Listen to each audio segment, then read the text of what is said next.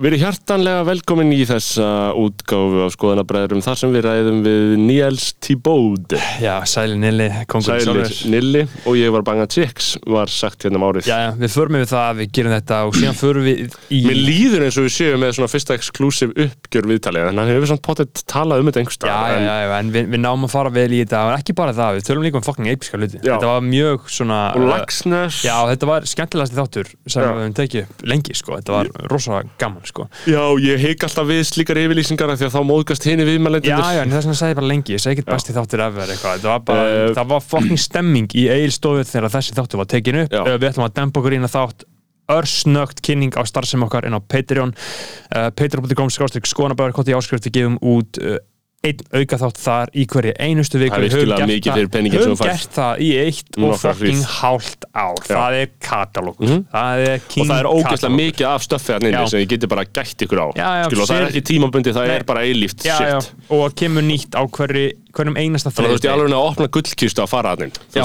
Það er bara 5 dólarar fyrir gullkistu sko. king content, Sérstaklega ef að þið eru að byrja að vinna í fisk eða eitthvað hannig eða þeir að vinna í bákninu þarna í borginni og getið- getið þjóst skrifa já, og getið hlusta á podcast í vinnunni þá er þetta fullkomið fyrir ykkur. En ef þið vinnið í skrifstofinu og getið podcast getið hlusta á podcast í vinnunni skiptið um vinnu.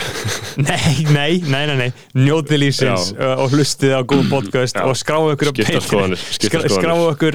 á Skipta Patreon. skoðanir, skipta Skra- skoðanir. skráðu ykkur í Patreon áskrift Eh, 5 dólar, getið líka fengið 10 dólar og fengið að hlusta þennan þátt til þess að þegar við fyrr. tökum hann upp en Það síðan er það sig líka. 30 dólar að seksjónið þeir fá virðingu þau sem eru skráði í það fá virðingu á nafnsitt Mhm. í byrjun hvestáttar og þeir sem eru þar er Jóhannes Haugur Jóhannesson, uh, leikari með uh, skilabóðin, hann skýrði sér sem þetta inn á Patreon hjá okkur uh, fyrirtæki sem vilja auglýsa eiga að gera það í sér lesnum auglýsingum Þetta er ekki hér af, hluti af gömlu deilumáli hefur list uh, en nafnið stendur Hrútur X, Andrea Diljá Edvinsdóttir, Andrés Jónsson Benedikt Bjarnason Björgun Helgi, Brynjar Guðmundsson, Erik Ólaf Petró Geoffrey Huntington Williams. Uh, Hjörtur Palli Hartar, Hálfdán Sveinsson, Mask on Iceland. Sindri Kampan. Skúli Halldórsson, Sturla Snorarsson, X, Nonni X. Ármann Örn Friðriksson. Ari uh, Helgason ef ég mann rétt. Já, Já, þá Já. erum við konum með þá sem eru í uh, 30 dollara áskrift og síðan er það að styrkja kongarnir okkar tveir eða svona, hann er uh, Tandri Snær, trösta, sá mikli fucking kongurinn, kongurinn eins hann er, hann er í 100 dollara áskrift uh, Tandri Snær, takk kærlega fyrir þinn stuðning. Og við kunnum að meta en uh, eini sann styrkjakongur er eins og fyrir meir eins og áður fyrir Já, Stefán Daði. Stefán Daði, hinn eini fucking sanni. Kongurinn sjálfur, uh, við kunnum innilega að meta þig. Kongurinn Átó, stundum kallað það. kongurinn átó, uh, hann er í fjórum vinnum. Að hann er að múfa, hann er að færa hann, Hann er að færa vinnu sko. Já, já, hann er á leiðinu upp Já, maður er að færa vinnu. Það eru gaur eins og Stefán Daði sem eru að láta hlutina Mhm. gerast í Reykjavík Hann er í fjórum vinnum, hann sagði mér það síðast í hittan en líka sko í Reykjavík þá eru menn, það eru sumir sem er að færa vinnu og við, við náða þekki fólk Já, sem er að færa vinnu. Já, já, já. Þetta getur líka um konur, það sumir eru bara að færa vinnu. Færi þetta sétt frá miðbæ til hafnar, sko, það er ekki spurning. Uh, Síðan eru það fyrirtækin okkar. Uh, Þeir sem að fyrirtækin tvö sem að sem að uh, við erum alltaf pro-business uh, þáttur. Og, kunnum, og við erum sérstaklega pro-nýstárlega leiðir í átta andlir heilsu. Já, og þetta eru ekki fyrirtæki sem að hérna, hérna er borga 111 dólar á mánu, það er handból og þau skýra sig hérna láttu þér líða vel, þú átt að skilið. Handból, CBD olja skotanir 20 fyrir 20% afslátt. Handból.is og hins vegar er það uh, henni eini sannið styrkja kongur með 200 Já. bandaríkjadala mánu það, það er er money, það er money. Birta CBD uh, þar sem uh, uh, fyrirtæki hefur nefnt sig hérna innan Petrum Kjærasins farðu á byrtacbd.is og notaðu afsláttarkóðan skotana brotir 15 fyrir 15% afslátt af himnesku CBD Byrta CBD Byrta CBD fucking king shit, Birta CBD Ég vil vel að merkja að fá meira CBD Já, Ég ætla bara að segja það þannig að þetta er ákall Já. til Birtu Á, Ertu ekki með að fá fucking handból? CBD heima sem ég á? Uh, Jú, ég, þessu? ég held þessi búin að drekka allt sko. Já, þannig að ég, mér langar í meira CBD og smá en- kannski með jarðabærabræði Já, en, en ég, ég fekk bats frá handból sem að ég skilaði ekki til því Nei, þú skulda með CBD sko uh, Já, sjáum, sjá, sjáum Ég væri það. ógeðslega til í að ef eitthvað kryptodót myndi auglýsa hérna Þú veist, í þessu, skilur ég væri svo til að auglýsa kryptó og Já. Væri mjög fint maður, kryptó er uppi maður. Eru kryptó er stórt. er uppi maður, ég er í plúsnum Við kaupum í næstu dífu Já, við já, herru, njótið þáttarins með Nilla. Guðblæs ykkur.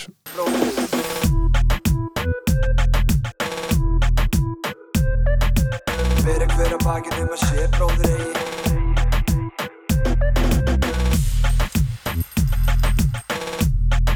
Sælir Nilli. Ævilega, Þú losnar ekki við þetta nei, maður nei, nei, nei, nei. Tíu ár komin síðan Herri, já, ég fagnaði hérna bara Tíu ára Nilla afmæli Tí- Tíu ára, nei, 11 ára nýlamæli núna bara Já, er þetta 2010? Oktober, Já. en 2010 Já, uh, í fyrra, þá var Já. þetta 10 ára sko. en Já. það var náttúrulega bara COVID og ekkert Mhm. þetta að gera Ekkert að fagna það er alveg ótrúlegt uh, en samt, þetta lag virðist uh, lifa einhvern já, veginn, já. Sko einhverju lífi? Þetta er, það er valla svona einhvern veginn það er valla, það er ekki margt sem stikkar sem hefur stikkað harkalega. Og bara þetta. Það er eitthvað við er þetta. ekki, en, en samt þetta er alveg magnað samt hvað margir muna eftir þessu og Já. margir syngja þetta enn þann dag í dag sko. Já, við- hvað, hvað veldur því að svona verður svona væral skilur Guð má vita sko. Já, já, Það er ekki hægt að vita. Nei, nei. En það sem ég finnst áhugaverst við þetta Nili, ég sá að uh, litli frændi minn sem, er- litli frændi okkar sem er svona 11 ára eða eitthvað var að setja því í stóri um daginn Nú, og bara þetta, segja bara sæli Nili Einmitt, Já, Why not? li, sem er 11 ára 11 ára sem já. merkir hvað þá einsárs þegar Já. það kom út Já, Já. hefur væntalega ekki orðið Kom var við út þetta þá eða- Skilur við, og, Birtist. já, og, og, Kom út. og, og, Surfaceaði. og, og þá fór ég að hugsa, ég menna, er þetta búið að fara í einhvers konar endur nýju lífta á TikTok eða hefur orðið eitthvað varðið það? Sko, nei, ég er sko sko afspyrnu lélögu tiktokari Mhm. uh, en aftur á móti sko finnst mér alltaf, ég sko ég bara veit ekki um það en mér finnst vænt um eitt og Mhm. það er sérstaklega það þegar til dæmis hvena var það, ég og sólin mín vorum að ganga og vorum að leiðina þarna aldamóta tónleikana niður í háskóla bíó Já, bara fyrir skemmstu. Fyrir skemmstu kannski ári síðan. Já, það var hann, já, eitt og hálft ár kannski. Uh, og uh, stoppaði mig lítill drengur 12 ára í melaskóla. Og sagði bara hann, hann, í alveg, hann opnaði augun sín og bara sagði, ert ekki nilli? og ég bara, ert þú ekki 12 ára? eða skilu, ég var bara, já, bara ég átti ekki til orð og, og þarna uh, gekk inn fyrir fyrir skólalóðina og hann óskaði eftir mynd og hann held ég að það ætlaði að sína pappa sínum þetta og, já, þið Eitthvað bombuðu svona, mynd. sko. Pappans hefur verið örugglega bara ungur maður þegar, þegar, já, já, uh, Já, Sæli Nilli, ég var að banga tjekks Já, uh, en hefur þetta verið sko uh, Þú er ekki hatast við þetta eða nokkuð hatast við þetta Já, af því sumir lendi í einhverju svona frábæri og verða frægir út af einhverju og byrja byr- síðan að hata Og skilur, byrja, byrja að skamma sín fylgir þeim eins og skuggi Nei, nei, það- mér, sko, ég, allan, ég, ég tala fyrir hönd mína, til dæmis í þessu tilfelli, bara það er ekkit sem ég get skammast mér fyrir. Nei, Nei, bara öðru nær. Uh, bara, mér fannst þetta bara ótrúlega fyndið ástand sem, sem kom í kjölfarið, sko. Þetta var náttúrulega, fyrir mína parta, fyrir 16 ára nilla, þá var þetta rosalega yfirþyrmandi. Og hvað þá fyrir móðu mína? Já, Hún var svolítið skelkuð, sko, út að við erum, sko, höfum alltaf til búið saman og erum bara mjög náinn og séðan allt í einu er bara Nilli, þessi 16 ára drengur hennar skilur, allt í hennu byrjaðir að vera með netþætti og síðan í kjölfarið sjónvarsþætti og eitthvað svona stöf sko. Já, og var, þetta var alveg yfirþyrmandi en mjög gaman uh, þetta var rosalega skemmtilegt lærdómsvíkt ferli sko, þetta var alveg líka bara klikkað sko. Já, þú veist og þetta er bara, þú veist eins galið að hljófa, skilur þetta er bara þitt breakthrough, skilur það er þetta moment, eða nei, ekki? nei, bara 100% Já. Að breakthrough að því leitum til að fólk þá viti hver maður er og Já, svo þú fær þætti einhver staðar og byrja bara í sjónvarpi og bara, og líka bara í kringum þess að þætti var bara gott fólk sem bara treysti á mann og, og bara trúði og gaf manni traust og, og eitthvað svona, skilur, líka Já. í kjölfari, skilur, Já. að ég væri ekki bara svona fullkomlega sturlaðu gæi að, að það væri ekki hægt að vinna með mér en samt gaman að taka mig upp. Já, fattar þú hvað við, það kom svona skemmtileg balans á þetta og mjög skemmtileg samstöru þarna. Mhm, en þetta var alveg eh, maður þurfti stundum að passa sig. Bara Já. svona að, að bara svona að, að láta þetta ekki stíga sér til höfuðs. Já, út af mikil aðtekla á þessum árum og sérstaklega skilu þegar Instagram var ekki svona eins og það var og Twitter og skilu að allt sé opinberað skilu Já. þarna var ennþá skilu opinberi aðilar skilu, maður vissi ekkit um þá nema afspurn og þeir voru bara í fjölmjölum og sá það bara þar. Já, og í sjónvarpin í viðtölum við Já. vorum ekki að kynast hundunum þeirra Nei. eða eitthvað svona skilur einmitt. Uh, og þetta var 2011, þetta var áður en fjölmjölarnir, nei, semst samfélagsmiðlarnir urðu þessi 2000 martröð Oktober 2010 Já. þá hitti ég Björn Braga Arnarsson Allan Sigursson Já, og Berntsen uh, fyrir fram að NASA. Já, og Á var það, Iceland Airways. þetta var allt fyrir tilurinn, eða ekki? allt, Já. Þú varst bara á djamminu já, já, fyrsta djamminu snorri. Já, Sko- var þetta fyrsta Varstu fyllir varstu Já. að drekka í fyrsta sinn? ég var að drekka fyrst sinn, þrjá túborga. Já. við sko vorum að leika í auðlýsingu þarna við eh, nokkri MH-ingar Já, fyrir tal sem kíkti neyri Norrkjallara og spurði þarna hvort það væri ekki einhverjir ferski sem væri til í að dansa, engar myndir af okkur undir síst, þetta er bara einhver svona hreyfing í mynd. Já, Já. þetta er bara eitthvað svona, þetta var hálftíma gig held meira þess að Rúnar hérna Ingi kvikmyndagerðamaður hafi verið að taka upp þessu auðlýsingu fyrir tal sem er ekki ennþá til sko. og síðan eftir það þá vissum við að Æsland er við sáttum ekki með það ringdum í e, bjórsala við vorum bara að pröfa okkur áfram og þetta var á Eirus, já. Þetta voru erfs og ég fekk þrjá eða ekki tvo, tvo, þrjá Túborg, grönn, densk. Klassist klassíst þetta er góð byrjun. Þetta er svona góð byrjun, nefnilega svona þetta er góð létt byrjun, og já. maður heldur jafnvægi sko. Já. Þrýr, já, já, það er Þrýr var blandan sko. Já, Það- já, já, það- ég held að ég það aldrei var kókteillinn, bland sko. Ég held að ég hef drukkið eitthvað þannig þegar ég var að byrja að drekka. Já, örgulega þrjá, fjóra kannski? Að tak- Fjóra? að taka þristin var uh, nokkuð gott jafnvægi á Já, hlutum sko. uh, og, Já, og, nei, klárlega, ég er sammálaði, sko. og, Það var og, rosa solid, sko. En ég meina þá varst alveg drukkin, skilur þú varst alveg fullur. Já, já, en samt hjælt haus og myndi allt og bara Já. skilur, bara eðlilega, maður var bara að stíga hægt inn í þessa veröld, sko, og þetta var eitthvað, ég var á öðru ári í mentó þarna, sko. Já, mjög svona heilnæmur aldur til að byrja að drekka. Já, mér fannst það. Og bara eitthvað svona skref sem ég var til í en eftir þetta var tekið upp sko, ég hafði engar ágjör þessu myndbandi.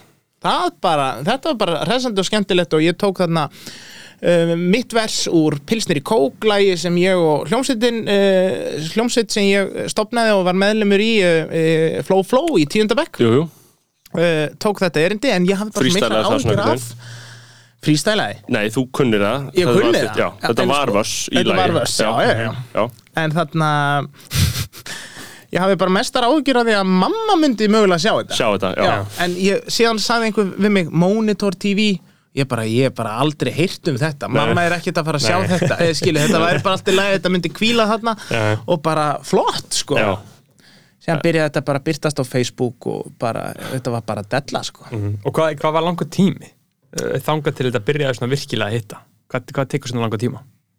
uh, Það er að segja, sko, það, frá því að þetta byrtist og þar til þetta var að þú væra veist, Eru að tala um nokkra daga eða vikur eða sko, nú mann ég það ekki. Ég, sko ég man að uh, út af þetta Monitor TV var að reyða sitt rúms þarna á þessum tíma og Mhm. þetta var uh, stórhuga fólk sem gerði rosalega vel og byggði þetta upp þarna Hlynur Sigursson og fleiri og Björn Bræði og Allan og, Já, já. og þarna myndatökum aðeins sem heitir Sigtryggur og fleiri Mhm. þarna Uh, ég held í alvörin að þetta hafi komið út þetta hefur gerst á föstudegi lögði þetta kom bara út á sunnudegi þetta Já. var bara klift, þetta var verið að halda svona uppfærðu hvað er í gangi á Æsland er og ég man að samnefandi minn í MH var sko við við vorum mest áhorða sjónvarsefnið á Mokka sjónvarpinu þessa vikuna. Mhm.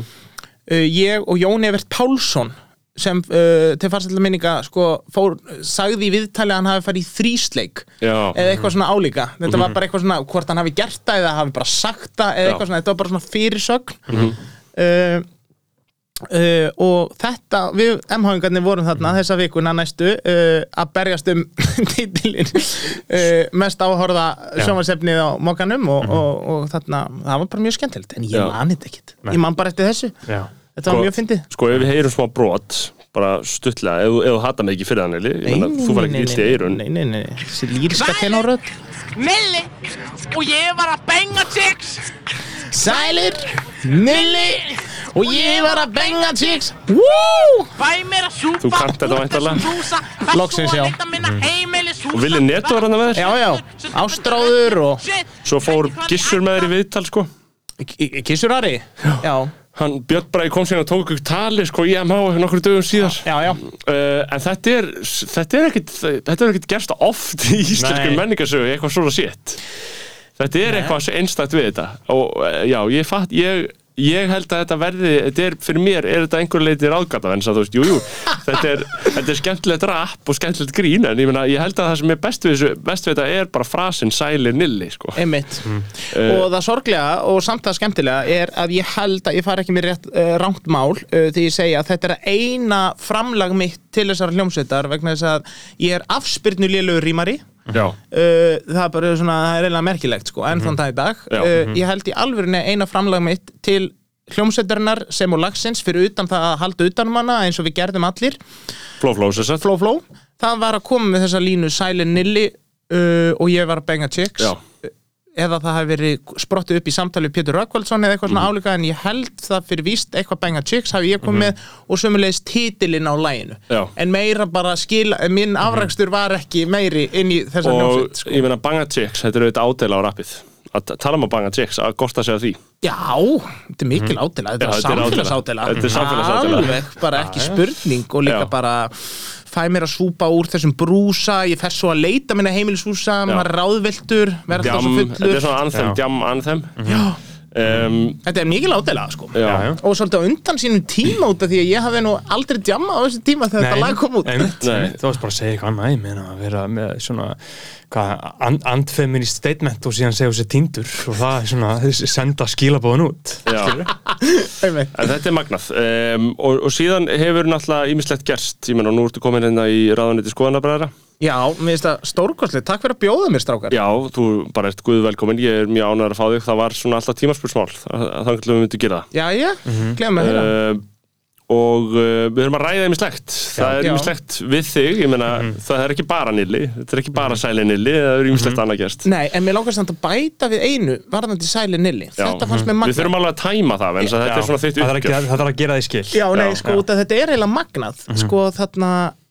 Ég var bara að muna þetta. 1. desember 2018 Uh, þegar við erum fullvalda ríki sem sagt 1918, þá voru haldnir hátíðartónleikar nýri Elborg uh, í tilefni þessa.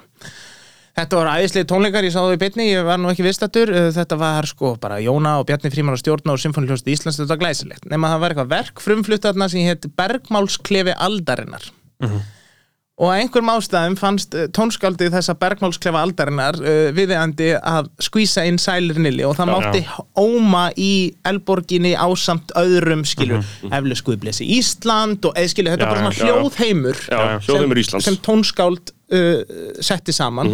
Og heiðurinn var allur mín megin og honum Já, fannst viðeigandi að blanda þessu þannig inn. Ég meina, þetta er hluta hvernig, sound, sögunni hvernig sounda þetta? Mér fannst þetta bara skemmt Flott í Eldborginni. Já, flott, en sko, ég, ég greindi þetta ekki fyrst. Mér var sagt þetta. Já. Ég var bara eitthvað að hlusta. Einmitt. Ég nefnilega sko, þegar ég var í ammælni hjá Ísaki Hinriksinni eða útskriftinni eða hvað sem það var uh, var það ekki útskrift, var hann ekki útskrift úr mentaskóla þarna þegar við fórum í fórum á Assendan og presturinn skýrðan eða eitthvað þannig sitt. Skýrði, hann fermda Já, hann Þetta fermdi var eiginlega ekki bara útskýrði, þetta var ferming. Já, þetta var einhvern veginn ferming. Bæki, varst þú ekki að það? Það var 2018 Nei, ég var ekki að það Þarna, uh, Ég held ekki. Ah, nei. eitthvað, og þá tókstu lagið. Tókstu sælinn illi sko. Einmitt, upp á tók ég ekki með Byrni? Eitthvað þannig, jú. Og Er það ekki rétt munað? Jú, og þá nefnilega sá ég það og ég var eitthvað, heyrðu, vá, hann var að taka sælinn illi örgulega bara í fyrsta skipti síðan að tóku það skilur í myndbandinu. Já, En, en það var, var það rétt, þú veist, það er, er flókið að samfærið að taka þetta. Ekki að ég vilji gera núna, við erum búin að gera það svolítið. Nei, sko, nei, hva, hvað sagður fyrir ekki? Sest, hvort það sé flókið að fá eða, hvort þú hafir þú veist, ekki lendur ekki í því og þú fer bara djammið. Er ekki bara fólk sem kemur alltaf undan bræðalust til þín og segir þér að gera þetta Jú. eða, böggast í því? Það, gerist reglulega. Það gerist reglulega. Uh, Og sem er bara gott að blessa. Já, Gaman, já, að láta fólk brúsa og allt þetta, sko og, en, en sko, þarna þú ert ekki svo björk að kýla myndatökumenn? Nei, nei, nei, alls ekki. Áreiti var nú ekki svo mikið en þarna, samt sem áður, og það var gigatís sérstaklega fyrst, en það má ekki glema því og sko, ég flakkaði á milli mentaskóla, grunnskóla og ég veit ekki hvað og hvað ársatíða, að þeim datt í hug að þetta væri svo rosalega skemmtilegt að fá sem uh, tónlistarmann Nilla. Já, En það sem þau gerðu sér ekki grein fyrir að þetta lag og ekkert annað var til bóða já, og þannig að ég gætt max staðið á sviðinu í fimm mínútur með góðum sóma. Já. svo það sé sagt. Og, og það er alveg taktur undir skilur og það er alveg, þetta er alveg lag. Já, já, þetta er fjagra og hálfsmínútna lag Já. sko, Við vorum fimm í þessu lagi sko. Já. og þetta er, þetta er vers á borð við Sæli Nilli, það var fyrsta versið. Afugl í húsinu, Nesið bær uh, uh, sem er leiðis ég er á sundlega bakkanum að tana og ég er illa spenntur í skólanum. Já. eitthvað svona álíka. Þetta, Já. voru, þetta, var bara svona, þetta var bara allt þetta sko. um, Akkurat, og, en já. og voru það gigga, mikið? Já, og sko ég giggaði rosalega mikið á þessum tíma uh, uh, með þetta lag.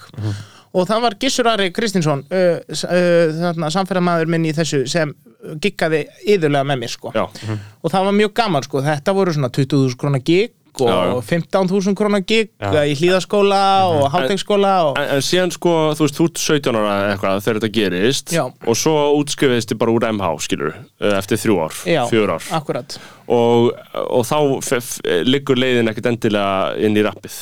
Nei, nei, ég, ég, það má eiginlega segja að ég hafi bara skilið við rappið áður en Þarna. það tók eitthvað flug sko. Já, það er bara, sko, ég rappaði ekki er me- milli- meira þitt dæmi. Þú segir mér þess að í viðtali sko 2011 þegar Björn Bræði kemur kemur uh, og tala við þig fyrir utan MH og hann er eitthvað svona, já, hvað, eitthvað rapp og þú ekki, já, nei, ég, þú veist, ég er ekkert eitthvað rappari ég er ekkert að reyna að vera það, ég er raun og veru, ég er bara að fíla klassikatónlist Einmitt, já. Það stemmir, og það mikið var eftir rétt minnur. Þá og það var rétt þá, skilur Já, já, og er rétt, sko, það var svolítið minn tónlistasmekkur, sko, Já. og svona bara það sem ég leitaði til. Já. já, og er það ekkert klikkað að vera með fíla klassika tónlist þegar maður er í mettskóla e, Klikkað, já, ekki fannst mér það nei, Það bara, gaf mér bara byrjundi báða vangi til Já. þess að byrja höfuð hátt og bara Já. ganga inn í þann ólgusjó sem framhaldsskóli er já, Skilur við? klassiska tónlistin Já, bara Já. eitt af því, við? já, Ekki spurning og Og hvað er, hver, hver, hver er kongurinn í klassíkinu? Sko, ég er, sko, ég er rosa, út af því að ég er svona gruk, krukkaði í þessu síðan sko eiginlega faktist 2001. Þá fæ ég blætið og, og, og, og þá er ekkert aftur snúið. Það var Labo M, sko, þetta er alveg einstakt verk.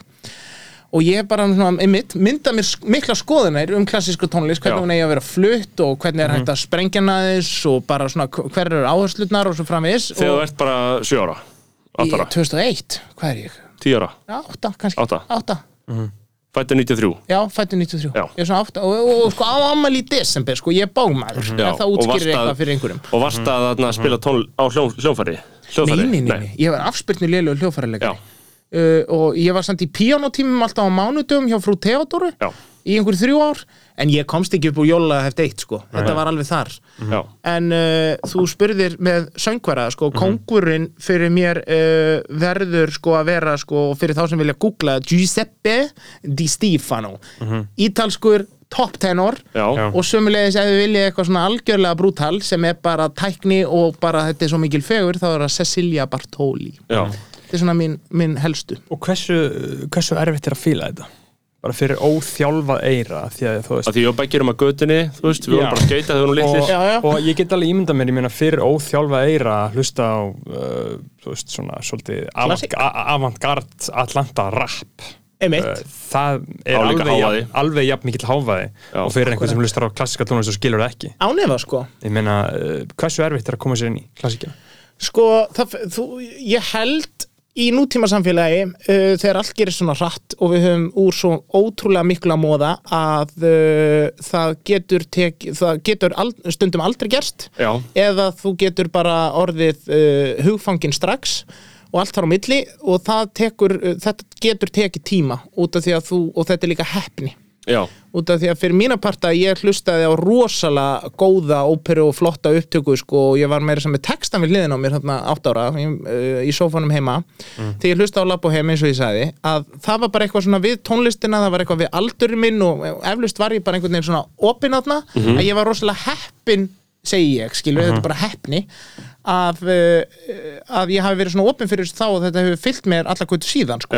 Á meðan sko þú getur verið rosalega óheppin farið í óperuna, séð eitthvað. Hata það. Og hata það, einmitt. Já. að þú ert bara, þetta var ekki mitt. Og þar leiðandi lokast svolítið held í þessi gluggi út af því að, af því að þessi hljóðheimur líka uh, hann er þess eðlis að það eru strengir. Það er sópransönguna eða mezzo-sópransönguna eða skilu og það eru ólíkar eins, eins, eins og það eru margar og sömulegis hljóðfærileikarnir og allt það en þetta fer held ég svolítið undir sama sko hatt hjá þér þetta verður svolítið bara hluti af sama hljóðheim ef þú sko eh, svona kafar ekki aðeins sko. Já, já, eftir verður- þú hefur lokað sko. Já, þú fattar ekki að í raun og veru svona upplifa ólíkar vítir tónlistarinnar og upplifa þetta bara sem eina rás Algjörlega. hávaða.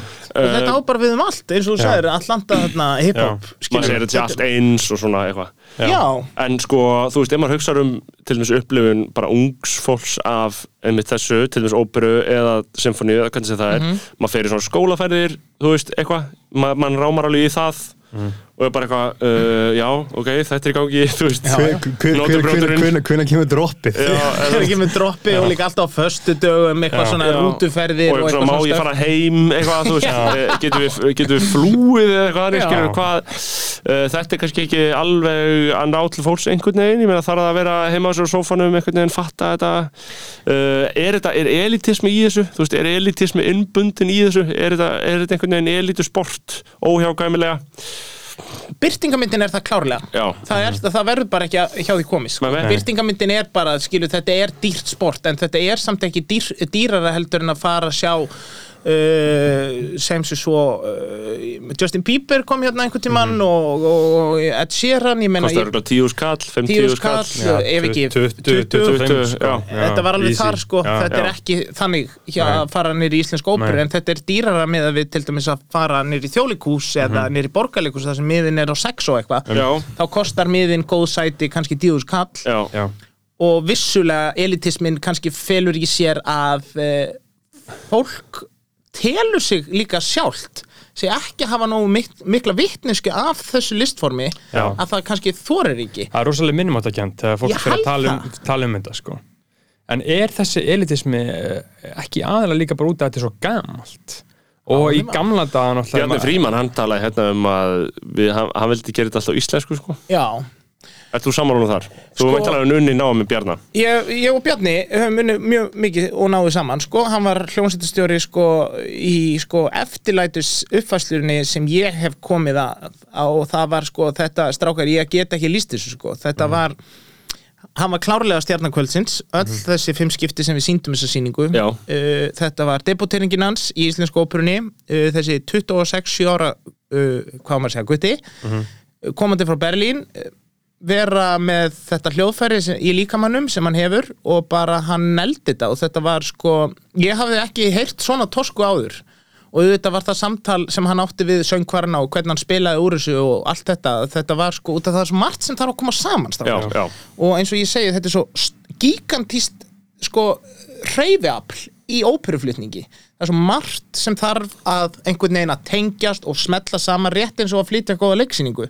Skilu þegar leikarnir eru í algjörri tengingu gott við annan og eru bara í fullkomni hlustun og bara áhörundin er bara heldtekin af þessari atbyrður sem er að eiga sér stað að það sem tónlistin hefur sko frammiðir hefur, hefur talað mál er að ekki bara koma orð og vissulega koma það í söngformi heldur að tónskáldin og sérstaklega ef þau eru vel skrifuð sem eru nú flest stykkin sem við höfum verið að sína til dæmis niður í óperu og hafa oftast bara verið flutt bara yfir höfuð er að þau, ef þú ert opinn þá er sko líka mann eins og harpa. Já, við bara svona plokkumst og allan ég tala fyrir hönd mín og ég bara svona kippist allur og bara svona, ég er svona algjörlega með og skilur, séðan mun tónlistin sko íta sko sýninguna áfram þannig að þú sérð bara af hverju þetta ljós kemur hér og af hverju hún segir þetta og af hverju hann gerir þetta og, og sérstaklega ef leikstjórn er algjörlega í takt við atbyrðarásina og hlustar á tónlistina þá getur hann hreyft sýninguna eins mikið og tónlistin er að hreyfa við verkinu og ef þetta helst saman sem Bjarnafrímanni tókst þá finnst mér þetta bara, eitt, bara en áhrifaríkasta leikhúsupplifun sem maður getur séð sko. náttúru undur þetta er smá, æðsta listformið. Ekkit endilega en Nei. bara, þetta er bara svo mikið hreyfiafl. Þetta er bara skilu, það eru 57 manns í grifju Mhm. og eins og í Tosku það voru 157 manns sem þurft að mæta til þess að sína þessa síningu wow. Já, það er fucked up shit. Það er bara, þetta var ótrúlegt sko. Já, og þetta var drengjakór og bara alls konar. Þetta var stórkostlegt. Já, akkur sá ég það ekki? Akkur sé ég aldrei neitt svona Hvað hva ekki. vantar Nili? Akkur, innan þú er að útskýra það Nei, Eða ég, þarf ég að útskýra það ég held til dæmis Hven, Hvenær var þetta? 2017 Já, já, svolítið síðan en Já, sko, mér finnst tíminn síðan þá hafa liðið svo hratt að mér langar að Já. segja að þetta er bara fyrir tveimur árum Um sko. Já. fjör ár Það er slatti sko já en ég, ég, ég fer ekki ábyrðina, skilur við, við, við hljótum að líta á það sem vandamál Já, mér finnst það, en, en samt ekki út af því að við eigum að hafa ólíkar skoðanir. Já, já, já, uh, og líka bara við eigum að verða fyrir ólíkum hughrifum bara til þess að við séum ólík og svo framvegis en ég held að það sé alltaf einhver, einhver staður sem við getum saminast skilu, og það þarf ekki alltaf að vera sami staður en til dæmis ég held að uh, óperan skilur í sjálfu sér þyrfti bara svona að uh, hún þyrfti sko, og nú er ekki að tala um íslensku óperuna per se, ég held bara til dæmis að það sem klassíski heimurinn er stundum að gera þurfi ekki skilur, hann er að Já. reyna að, að modernerast og, og verða sko samtímanum svo nærri Já. að hann glatar stundu sjálfur sér sko Ok. Já. á meðan Ok. hann er bara Áhugavert. svolítið svona sitt og það má ekki gleyma því að, að skilu, hann er sitt rétt eins og það sem til er, er eins og popkúltúr og svo framvegist, það er annað og þetta er líka það gamalt að við höfum flokkað þetta undir sko bara eitthvað svona klassíst tímabil við Mhm. höfum flokkað þetta undir og bara allt sem er klassík setjum við einhvern veginn undir sama hattin skilu út af því að bara þetta er bara eitthvað gamalt stöf og síðan bara klassík frá 1950 eitthvað fólk sem er löngu komið undir grænt sverð og allt það Mhm. en á meðan hún megi bara svolítið aðeins bara vera það sem hún er og ekkit endilega alltaf að vera koma þannig nálægt okkur að við bara he- heyrum ekki einu sinni hvað hún býr yfir heldur frekar að nálgast okkur á sko annan hátt bara með aðgengja sýningum með bara aðgengja þessari vittnesku í grunnskólum og, og svo framvegs út af því að þetta er form sem er ekkit uh, æðra nýja læra heldur en bara hvað annað listform skilur mm, bara, og já, þannig að það er kannski já, frekar en að er alltaf reyna nútíma veðast finnst þér ómikið af svona tónleikum núna sem eru uh, svona klassíski heimurinn að reyna að spila nútíma heiminn ekki að það sé ómikið en svona, þú veist, það er ekkit endla nátt til þín, já og líka sko þú veist, eitthvað förum Lord of the Rings tónleikar eða eitthvað. Nei, nei, sko, það er bara fyrir nöf, sko. Já. Mér finnst það alveg næs Já. Skilur, Lord of the Rings, það er bara Skilur, þetta er gigantist tónlist og bara Já. geggjað og nota Sko, þarna kemur líka einum punkti sem er náttúrulega alveg magnaður. Uh, Sáuð þið þarna nýklassík tónleikana með uh, Já, GTRN Ég og var í útlöndum þú, þú varst í útlöndum. Ég sá það. Hvernig fannst þér? uh, þú veist Hvernig fannst þér hljómurinn? Ég er meira, uh, hann var, ég veit ekki ég meina, ég var ekkert eitthvað svona alveg bergnuminn, sko. Nei, uh, þetta voru nú vini mínir sem voru að spila, sko. Akkurat. Um, þannig að uh, þú veist, gaman að sjá þá og, og svona, þú veist en mér fannst þetta ekkert fullkomið, sko Nei, nei, En auðvitað þér? ekki. Mér fannst þetta sko, mér finnst nefnilega sko þegar hljómsveit á þessi stærðagráðu kemur og sama hvað hún sping, spilar Já. lengi sem hún spilar það vel. Mér fannst það nefnilega svo gaman að bara Já. hlusta á þá tónlist. Mér fannst það líka. Já, en ég hefði getað fjarlægt rapparna og Já, og- fyrst að fá bara, bara tónlist, tón, tónlistina. Og heyra bara þessi þess lög. vegna, það er góð punktur. þess vegna. en þú veist, það er mér, mér finnst það alltaf sko að það er bara imponerandi í sjálfum sér þegar svona margir spila eitthvað og eru jafn samstiltir. Eh, og þú veist, þess vegna finnst mér líka þú veist, í sjálfum sér fínt þegar það er verið að spila eitthvað sem maður þekkir og þá skilur maður aðeins betur Uh, en svona að því að flestir myndi ég halda á okkar aldri séu meira og minna idiotar þegar kemur að eða svona idiotar í þeim skilningi að þeir bjóða ekkert yfir sérstakri þekkingu á skulur hvort sem það er klassíski tónlist eða, eða já, bara einhverju óbyrðu tónlist skilur, fólk veitur ekki raskat um þetta. Og þannig að það er líka, þú veist, þú ferð ekki á tónleika heldur með rappara sem þú veist ekkert um, skilur, þú ert ekkert spenntur að fara á þá tónleika. Nei, nei, nei, nei, nei, nei, þannig að þú þarf kannski að vita eitthvað aðeins. Og uh, ég, held að, ég held að það hafi verið það sem var skemmtilegt í nýklassík að maður vissi eitthvað um lögin skilur, maður vissi svona baksuguna sem, Já. sem listamennir hafa opinberað og eitthvað svona, Já. algjörlega. Og þá heyrir maður líka, þá byrjar maður að hlusta eftir því sem þú ert nákvæmlega að tala um, að þá byrjar maður að hlusta eftir já, hvernig ætlaði að framkvæma þennan snúning skilur, hvernig ætlaði að gera þetta hérna smáadri nei, bara algjörlega. Já, og síðan líka svo uh, sko áhugað hvernig tóneira fólks þróast með aldrinum og með tímanum eftir hvað þú hlustar á hvað þú ert með í airpodsinu þínum. Svo það eru bara rosalega margir og tökum uh, bara einhver, einhverja sjötu á konu. Hún fær allt aðra upplifun á því að hlusta á eitthvað eitt lag og eitthvað svona symfóniudót og en þetta er mjög svipuð upplifun og átján ára strákur fara og hlusta okkar rapp sem hann fílar. Já. en þetta kemur úr allt öðru stöffinu sko. þannig ég held að þetta sé alveg sömu tilfinningarnar. Ég held að þetta sé bara annar einhvern veginn ekki endilega smekkur Nei. heldur bara einhver svona rosalega svona tauga Já, þetta er- innvýring algjörlega, hvernig hún nær til þín og hvernig hún grípur þig. Og það er rosa erfitt held ég að uh, breyta þessu. Og, og ná þessu. Og, og, og víkka af því að fólk er svo fljótt að staðina í smekk. Rosa margir, maður heyrir sérstaklega fólki sem er svona þrítút, já ég lusta bara á dóti sem ég lusta á ég var úlingur veist, fólk, fólk, á mjög öðvelt með að staðina Ég og festast að nákvæmlega í, í, í, í, því sama sko. já, og það má kannski segja að ég hafi stannað út af því að ég er ennþá sko að hlusta á þetta og, og til dæmis ég uppgöt ekki sko poptónlist fyrir en bara í tíundabekk wow. skilur að einhverju leiti að Mhm. ég fór að heyra skilur einmitt treyfiaflið í því. Já, skilur í þá Frikadór mann ég hann var að gefa út lagið þarna hlið við hlið. Frábært lag, Eða, nei, fyrir ekki, ég er að ruggla fyrir hana, það er mikil hreyfing í því lagi sko. það er svona, svona skemmtileg tempo Já, og skemmtileg dýnamík. Það er svolítið fyndið lag. Ég, spáði því sko. Fyrir er hana, a- a- a- a- er ekki það? já. Já. Fyrir hana, a- a- a- a- Já, fyrir hana, gera fyrir hana, hana gera fyrir hana. Og séðan einhvern veginn svona upphækkanirnar og hvernig hann svona leikur sér með það og hann er líka mjög lýriskur, frikki sko. Já. að mér finnst- mér það alltaf svolítið gott sko. Já, ég, nú, ég held ég hafi einhvern veginn talað um það áður að ég er ennþá að býða eftir að einhver sendi mér eldstu útgáfuna að hlið. Við hlið þar sem hann talar um að ríða. Hann segir orðið að ríða. Og, og fyrir ekki var að vera svolítið dörti í þessari fyrstu útgáfi sem var gítarútgáfan já, og þetta var í umferð, þetta lag var í umferð áður en sko hinn formlega official útgáfa kom út. Og þetta hlýtur að vera einhver stað til og ég kalla hér með aftur eftir þessu lagi. Þar sem þetta er með gítar undir og þetta er eiginlega betur útgáfa. Og hann talar eitthvað í einhverju samiki, man bara ekki hvaða lína það var en hann talar um að ríða þú manst eftir, heyrður þetta? Já, ég man eftir, ég átti þetta lagi símanum mér- ámar eitthvað í Já, já, það, það, það, það eru margir Já. sem þekkja þetta líka og horfa á eftir þessu lagi.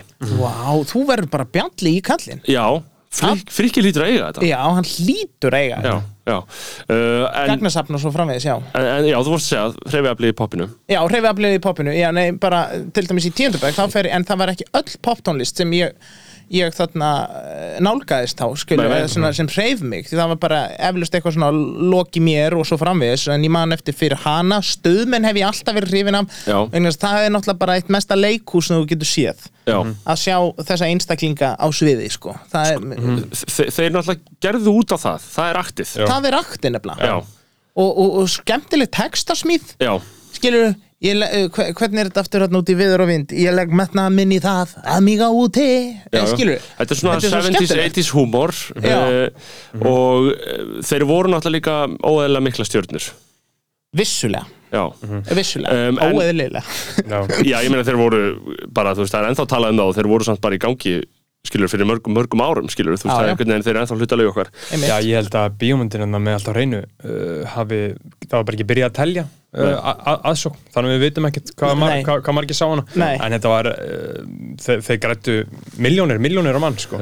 Ánefa sko, þetta var Um, bara uh, tífalt ármálskaup sko, eða skilur þetta Já, var já. alveg bara svona En sko, major örgulega miklu meira leinulögan sko. þú verið, verið sýningastjóri um hríð hjá Já. heitir það það ekki? Sýningastjóri, jú, Nei, já, jú, sýningastjóri já, íslensku óperunni. Hjá Íslensku óperinu mjög lengi, mörg ár. Já, síðan 2015 ekkit Og- óslitið, Nei. ég fór í skóla og svona. Já, já, fórstu leikarnám, Já. við hefum eftir að ræða það líka. Hvað, þarna, og, og hvað læri maður af þessu? Hver, hver er, hvað, er svona, hvað er að klikka sem við hefur lært um óperu og, og sýningar í óperunni bara klikkaðist það Já, það er náttúrulega bara nálgast formið eða skilur þú kemst nú allan nærrið í eða skilur, jú, ef ég fer neyri grifið eða stend á sviði já, og stúdera kannski einhvern veginn part í verkinu sem ber mér að spila eða Já. sem mér ber að spila eða eitthvað álíka en, en bara svona, það var bara einhver svona heldarsýn og bara hvernig tónlistamenn uh, nálgast og bara hvaða fínessur skilur og, og sem þarf að framkalla til þess að þetta sé fyrir, fyrir þeirra eirum sko ásættanlegt. Já, Já. Og bara hvaða einstaklingar til dæmis uh, uh, geta þetta skilur líka út af því að við erum svo heppin sem Íslendingar við hefum sko araf grúu af íslenskum söng, uh, íslenskum klassísk mentuðum söngurum já. sem er stórkostlegt og Þa, erum það er ekki sjálfsagt það er ekki sjálfsagt og, Og það er heldur ekki sjálfsagt hvað segir að geta þetta bara almennt, skilur, er þetta crazy? þetta er náttúrulega bara ótrúlegt listform og Já. ég meina sko þarna, það er mjög fallegt sko, þetta er náttúrulega bara ákveðin eh, þetta er svona herægi sem bara einstaklingurinn þa- þróar með sér og þarf að, eh, svolítið að, eh, þarf svolítið að tilenga sér. Ég meina eh, að fara í svona intensivt tónlistarnám eins og meðalans Bjarni Fríma gerir þú gerir held ég voða lítið annað á meðan þessu ferli stendur Já. og hvað þá æfingarna sem felast á bakvið að bara spila á fiðlu eða bara spila á víólu, pákur og svo framvegst þetta er svo gigantísk fræði og svo margir sem sækja um þetta að þegar þú gengur út úr skólanum uh, skólunum, bara hvar sem þú sækir um uh, að þarna þá ertu svo, líka svo uh, rosalega sérhæfður Já, Já. Í þínu. Þetta er svolítið þitt og þú ert bara búin að læra á þetta í þessi ár. Á meðan sýningastjóri, svo ég tengi það inn í þetta að það var svona ég er ekki sérhæfður í einunni neinu hjá Íslenska óperunni nema að halda utanum verkefnið sem Íslenska óperunni er að setja um æfingatöflur uh, hefur komið til ráðninga ef okkur hefur vantað að hafa sambandi fólk til þess að láta uh, gera alls konar skilur hvort sem hefur verið, ég hef ringt í hljóðfæraleikara upp í leikara skilur Já. sem hefur bara okkur vantað og bara, uh, bara eitthvað. Uh, og sömuleiðis bara að læra sýninguna þannig að, að, að ég verði svona ábyrðaraðili eða sýningastjóri er bara ábyrðaraðili á meðan sýningu stendur yfir Já, að hún að hver og einn gæti þá fókusir á sitt og gert sitt fullkomlega og bara verið algjörlega í, í sér og bara gert sitt bara og líða vel og gengið inn og sviðinni grifju eða bara hvað sem er. Og allt sem gæti uh, farið úrskeiðis myndi ég halda utanum og bara svona ekki það að sé eitthvað að fara úrskeiðis heldur bara svona að ég keiri sýninguna Já. áfram. Einmitt. Og haldi öllum svona eins og ég líti á bara ég að fólki líði vel. þú haldir þessu uppi, haldir þessu lifandi Það eru stór orð og ekki satt og þarna en falleg orð. Já, En þarna, eh, þú talaður um söngurana sjálfa Já. og her aga. Já, og Já, sérstaklega sko. já hljóðfærleika Vá. er það sovjastæmi maður ma, ma, ma fær nefnilega svolítið svona í þessum klassíska heimi og einhverju svona mjög hefðbundnu aldagömlu bara, á, bara margra aldagömlu. En þar er einmitt svolítið svona Black Swan feelingur Já, sko, bara svona- bara svona kl klóra sig í baki það ekki nógu góður. Já, já, ég meina, skilur feilnóta getur haft áhrif á fólk, sko. Já. það er bara ótrúlegt, en skilur mér finnst ákveðin kunst í því og, og, og stærsti, eða sko fyrir mína parta heillast ég mest af listamönnum sem eru sko, bursið frá því hvort sem eru klassís mentar eða ekki uh, sem eru lifandi og eru ekkit alltaf á slæginu eða er ekkit alltaf, eða skilu hljómurinn kemur Já. alltaf og, og sko verkið er æðra heldur en feilnóta skilur, það skiptir engu máli þessi feilnóta heldur bara, svo lengi sem þú ert bara trúr því sem þú ert að gera og veist hvað þú ert að gera þá bara skiptir hitt bara engu máli. Og það er til dæmis mikil kunst og líka það að takja eftir, sko, ég tel eh, nei, ég segi, takja eftir að, að, að symfóniuhljónsett, að mynda symfóniuhljónsett, þetta er allt einleikarar. Sem eru saman komin í hljónsveit og sömulegis kórar. Já, þetta eru einleikarar, þetta eru einsöngvarar sem bara syngja saman í heild og spila saman og þurfa að vera samtíma og þetta er rosa mikið hlustun og, og bara séðan er hljómsveitastjóri svona til þess að í raun og veru að túlkaverki eins konar leikstjóri skilju eins og leikstjóri tala við leikara skilju við ætlum að, að leggja áherslur á þetta. Já, og þetta er náttúrulega sko þetta er rosa bara ægi og tími og þetta er dýrt þetta er dýrt. Uh, við reykum þetta, uh, við borgum hefur ofnbera uh, væntalega heldur að einhverju leiti og, og miklu leiti upp óperunni eða ekki upp í óperunni. Jú, jú, jú, jú, eins og öllu þessu eins og öllu þessu dóti var ekki einhverju, var ekki einhverju að skamma ykkur um daginn fyrir að vera ekki að gera nóg mikið, fyrir að vera endur sína núna? Var ekki Jón Viðar að skamma ykkur eitthvað? Jú, alveg rétt, jú, Jú. jú. Jón Viðar postaði á Facebook að hann að endur sína Já. sem ég skil nú, eh, sko, ég persónulega skil það ekki en það er ekki þar með sagt að að hann hafi eitthvað ránt fyrir sér, ég Nei. meina þetta er skoðun Já, uh, en, en til dæmis í þessu tilfelli þá bara ætlum við með sýningu Norður í samstarfi við Hof það hefur til dæmis aldrei verið gert að, að Íslenska óperan og Hof eða menningafélag Akureyrar uh, saminist um eitthvað verkefni og sýnið á báðum stöðum já, og þetta var tilvalið út af þessi sýning sem við erum að fara frumsýna núna akkurat um helgina Já. núna 7. og 7. Uh, og förum síðan vikuna síðar norður að hún var gerð til farans. Já, til flutninga. Uh, þannig að þetta þótti bara svolítið tilvalið á meðan við erum að frumsýna í februar mm.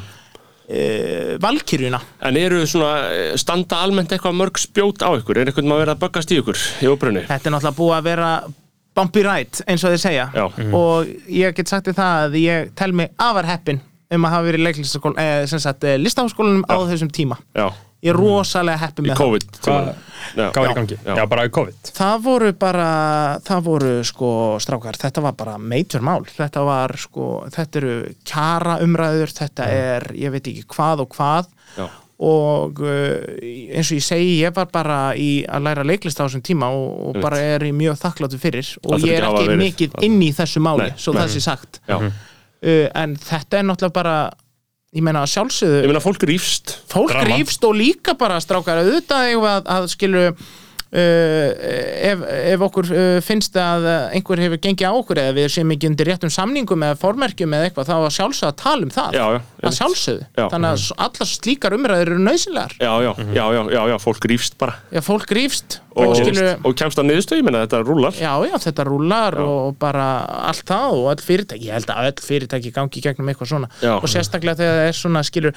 leikarasamningar, dansarasamningar, klassísk samningar þetta er skilur FIH samningar þetta er bara, þetta er svo, þetta er svo mikið mag sko, flókin infrastruktúr. Þetta er flókin infrastruktúr Já, er sem ég rosa. myndi ekki eins og reyna að setja mig inn í og reyna að skilja. Nei og líka bara skilur hljómsveitin gegnir öðrum texta heldur en kórar og kórar gangi undir öðrum texta heldur en vá. að þú flytur einsöng eða skilur bara hvert átt að líta. En það er allavega allir að fá borgað. Já, já, já, Það er, já, já, uh, já, jákvætt. og ég meina skilur þetta er bara þetta, uh, íslenska óperan heldur utan um þetta er sem sagt ég menna hún stendur undir sig að því leiti að það selst upp á alla sýningar, eða ekki? Jú, jú, jú, og bara skilur ég held uh, að mér bestvitandi hefur verið farið eftir öllu bara skilur og bara og í öll þessi ár líka skilur. Já. og bara en eins og ég segi, ég veit sko svo takmarka um Já, þetta þú varst í í bara að chilla. Já, og Að læra að vera leikari. Að læra að vera leikari, mm útskrifast í júni til strákar. Hvernig var, var þetta erfitt, var þetta vesen? Að læra leiklist? Já, Ég held ég hafi uh, komið að orðið við mig að þetta er, var erfitt á réttum stöðum og skemmtilegt á réttum stöðum. Já, Þetta er rosa mikið, þetta er, þetta er, þetta er góð leksið, þetta er, þetta er, þetta er ægi Þetta sem er maður þarf Black að sína sko. vinur minn er í svo Siggi og hann er bara einhvern veginn alltaf niður í skóla. Nei, þú ert býrð þarna. Þetta er bara þannig, þetta Og- er frá 8 til 5 og rúmlega það oft. Og hvað ætti að gera?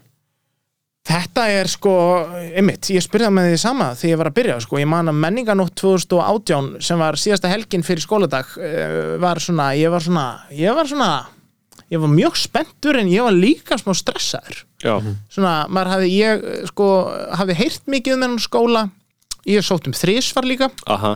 Og, það uh, er mjög erfitt að komast inn. Já, já, það er, getur, en það er rosalega skemmtilegt. Já, að komast inn að komast inn, en Já. líka gangi í gegnum þetta blessaða ferli. getur þú sagt okkur að þessu fór svo ferli? ég meina þú, þú reyndið þrisvar Já, það er varstu mjög margir sem að reyna oftar Já, já, varst já, þú var orðin ekki brjálæður á gefast þessu? upp. hvað segirðu? Varst þú orðin brjálæður á þessu? Eða, Alls ekki Nei. uh, út af því að uh, al, ekki fyrir mína parta Nei. og sko þegar ég hugsa tilbaka sko, var sárt að fá nei uh, ég bara ég alvörinu mann það ekki. Auðvitað var það að einhverju leiti leiðilegt út af því að maður lagði alltaf mikið í sölunar en samt sem áður uh, þetta er engin dómur og maður þarf bara að muna það. Og ég held að ég hafi sko, ég gerði mig, mitt allra besta í að muna það á þessum tíma út af því að ferli er sko, þessi eðlis að þú sækir um bara og greiðir þína 5.000 krónur og allt það og þarna og uh, ferð og átt að undirbúða þrjá monologa sem sagt tvo, einn ein, ein í bundumáli, annan í óbundnu sem er bara sem sagt uh, hitt talaða mál. Bundið er þessi klassík, Shakespeare, Grikkir, eitthvað. Og síðan bara hvað sem er. Og til dæmis í eitt skiptið þá sko lék ég uh, þarna, þarna ég valdi fyrir frjálsavalið sko auðlýsingu úr sjálfstæðu fólki til þess að leika. Aha, mér fannst það eitthvað svona skemmtilegt. Hvernig, hvernig, hvernig hljóðar hún? Manstu það? Já, hvernig var þetta? Gaman að, hvernig var þetta? Hann er þekktur út um fjöl, nei, hann er þekktur um, fjölma, um heimallan sem pörupilturinn glanni glæpur. Það var alltaf sagt við mig, Stefán Karl, þú mynd aldrei verða leikari, bara áttan við eineltið. Ég finn mjög til með fólki sem finnur til og sjómaðurinn sem hafið hafnaði, ég ætla alltaf að verða svona trillukarl. Stefán Karl sá allra besti með okkur á sunnudagskvöldið, sjálfstætt fólk, stöð 2. Alveg stöf Já, Gott. ég Þetta er gott sviðsetti sjónvarp. þetta já, einmitt fyrir sem sagt pröfu, fjekk ekki að flytja þetta en basically er ég það sem ég er að segja með þessu er að þú mátt gera hvað sem er. Auðlýsingin fer inn í hausunaður já, mér fannst þetta bara svo skemmtilega auðlýsing og svo Já. skemmtilega klift Já. sjómaðurinn sem hafið hafnaði. Já, wow, það er svolítið fallegt. Mér fannst það, hann er skál, Hann er með Jónas Vall Já, hann er poet sko, Já. hann Hann- hann er búin að vera low key Hann er bara key, hann er staðar lengst út á landi. já, er hann ekki að gera einhverja, ég held að það gera heimildamönd um einhverja gullgrafara eða eitthvað Mm, er á eitthvað, fjársjóð einhver svoleiðis shit einmitt, Já, hann, er náttúrulega bara magnaður sko. hann er að gera eitthvað svona skrítið, skemmtilegt stöf sko. uh, en uh, þú ferð í fyrstu pröfur já, og maður, það fara tvisar enn eða? og tvisar enn og ef maður kemst áfram þá er 40 mann úrtak, þetta er alltaf svolítið brútal sko, þetta er 100 segjum 130, 150 is eitthvað uh, sem sækjum já, skondin okka að þarna, það fer líka bara eftir tíðarandarum í samfélaginu.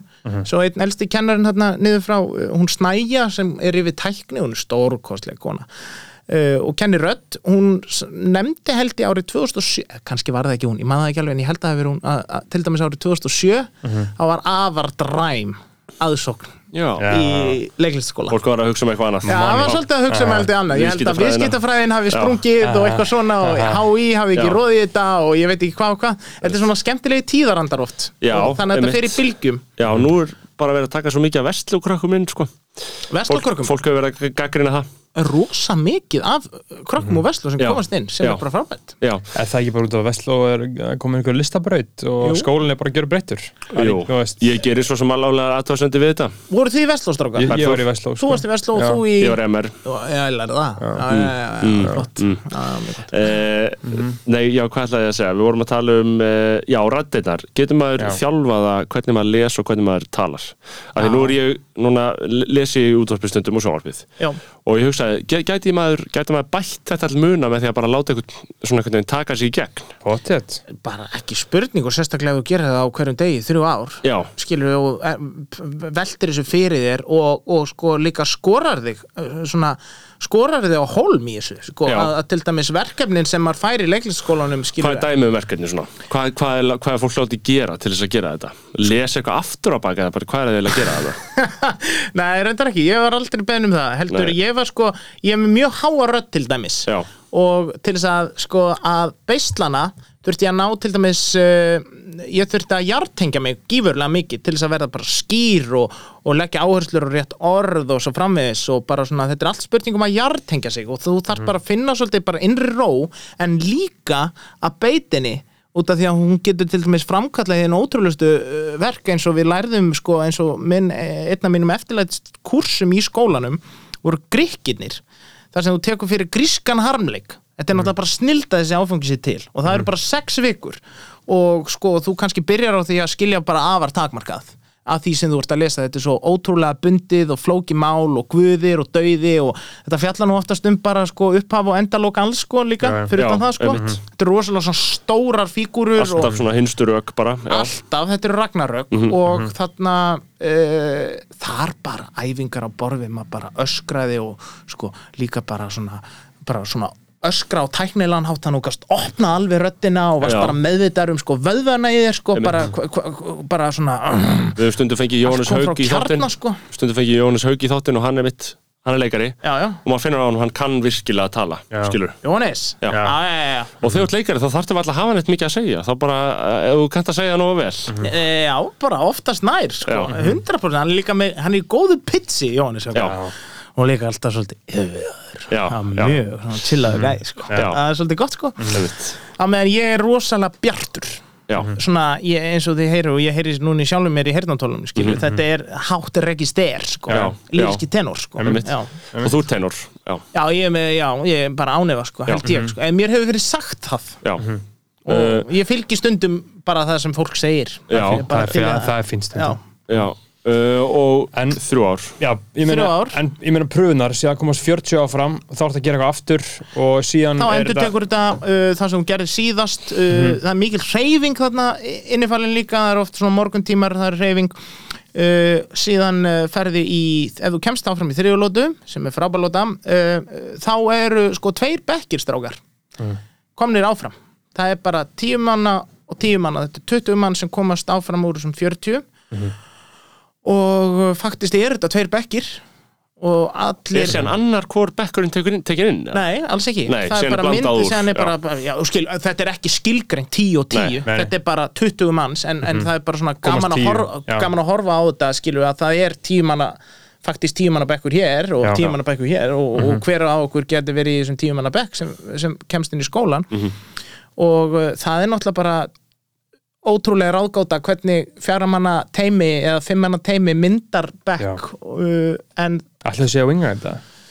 Ég held að séu bara trösta og eigi innsægi bara hverju geta unnið saman og, og líka bara þeir sem sækja um leiklist og, og, og brenna fyrir þetta það, það býr eitthvað í okkur öllum og, og bara og við megum aldrei gefast upp á draumum og, og bara skilur þrátt fyrir að þessi erfitt að komast inn í þetta þá bara halda áfram og leita lausna og bara vera trúr sjálfum sér og svo framvegis. Og til dæmis að sækjum í leikliskólanum hér heima og gera þetta á íslensku þar sem bara í þínu umhverfi skilur að mamma einn getur sótt þig eftir pröfurnar og allt þetta skilur það er rosalega þægilegt. Og og á sama tíma sko þó að það sé þægilegt að gera því í þeim heimi þá þarna skorar pröfurnar á þig uh, uh, rosalega mikið á bara hvernig þú hugsar og meðtekur á stuttum tíma þannig að þú gengur í gegnum rosalega mikið á gigantist stuttum tíma. Ég man til dæmis að janúarmánuðurinn minn var bara helgar. Já, já, ég bara man ekki eftir mánudegi og þriðudegi og miðugudegi og fimmtudegi heldur síðan voru bara pröfur annarkort á föstudegi að lögudegi og um, er fólk að gefast upp á draumunum sínum með það? Ég sko ég held að við gefum, gefum margt upp á bátinn og jafnvel þeir sem segjast segjast hafa náð sínum draumum og hafa alltaf verið trú sjálfur sér það er, ég held að enginn komi klakklust í gegnum lífið að hafi uppfyllt alla sína drauma hvað minn almáttu, nei, Nei, það erum, held ég ekki. við erum náttúrulega allir á þeim aldri 28, 26, 24 þar sem að svona uh, það er ekki alveg komið að því að fólk er officially búið að gefast upp á drauminu sína það er meira svona um fertugt það sem að kemur almennilega í ljós er það ekki? 100% og það er ekkit sagt, þar með sagt sko og mér finnst það til dæmis að þó farir inn í skóla sem er erfitt að komast inn í að þú þurfir endilega að fíla þetta Mm. skilur, stundum ertu bara að ganga inn algjörlega blind inn í sjóin skilur og, og bara þarna bara uppgöta eitthvað nýtt og kannski kemst inn og kannski ekki og, og kannski hafður ekki hugmyndum og þú myndir fíla þetta og séðan bara allt í hennu bara fílar þetta en þú skilur eins og svona gamla sögur eflust í tíði Jóhannesar Hauks eða eitthvað svona eitthvað, ég hef nú eld að stúlku þarna eða eitthvað svona stöf Já, já. þykist ekki á nænt þessu. Já, eitthvað svona stöf að þarna e, það má ekki glemma því að þetta er líka bara skóli og e, að hætta þarna er til dæmis ekkit meira mál heldur en að hætti sálfræði eða eitthvað, eða finnst mér Já, sko. já, er bara, þetta er bara, við lærum og við lifum og eins og þú segir, við erum ekki komin á þann aldur sem við erum að gefa upp einhverja drauma. Og til dæmis að gefa upp drauma á leiklist, ég meina hvað er það? Mm. Eða skilu, Já, já.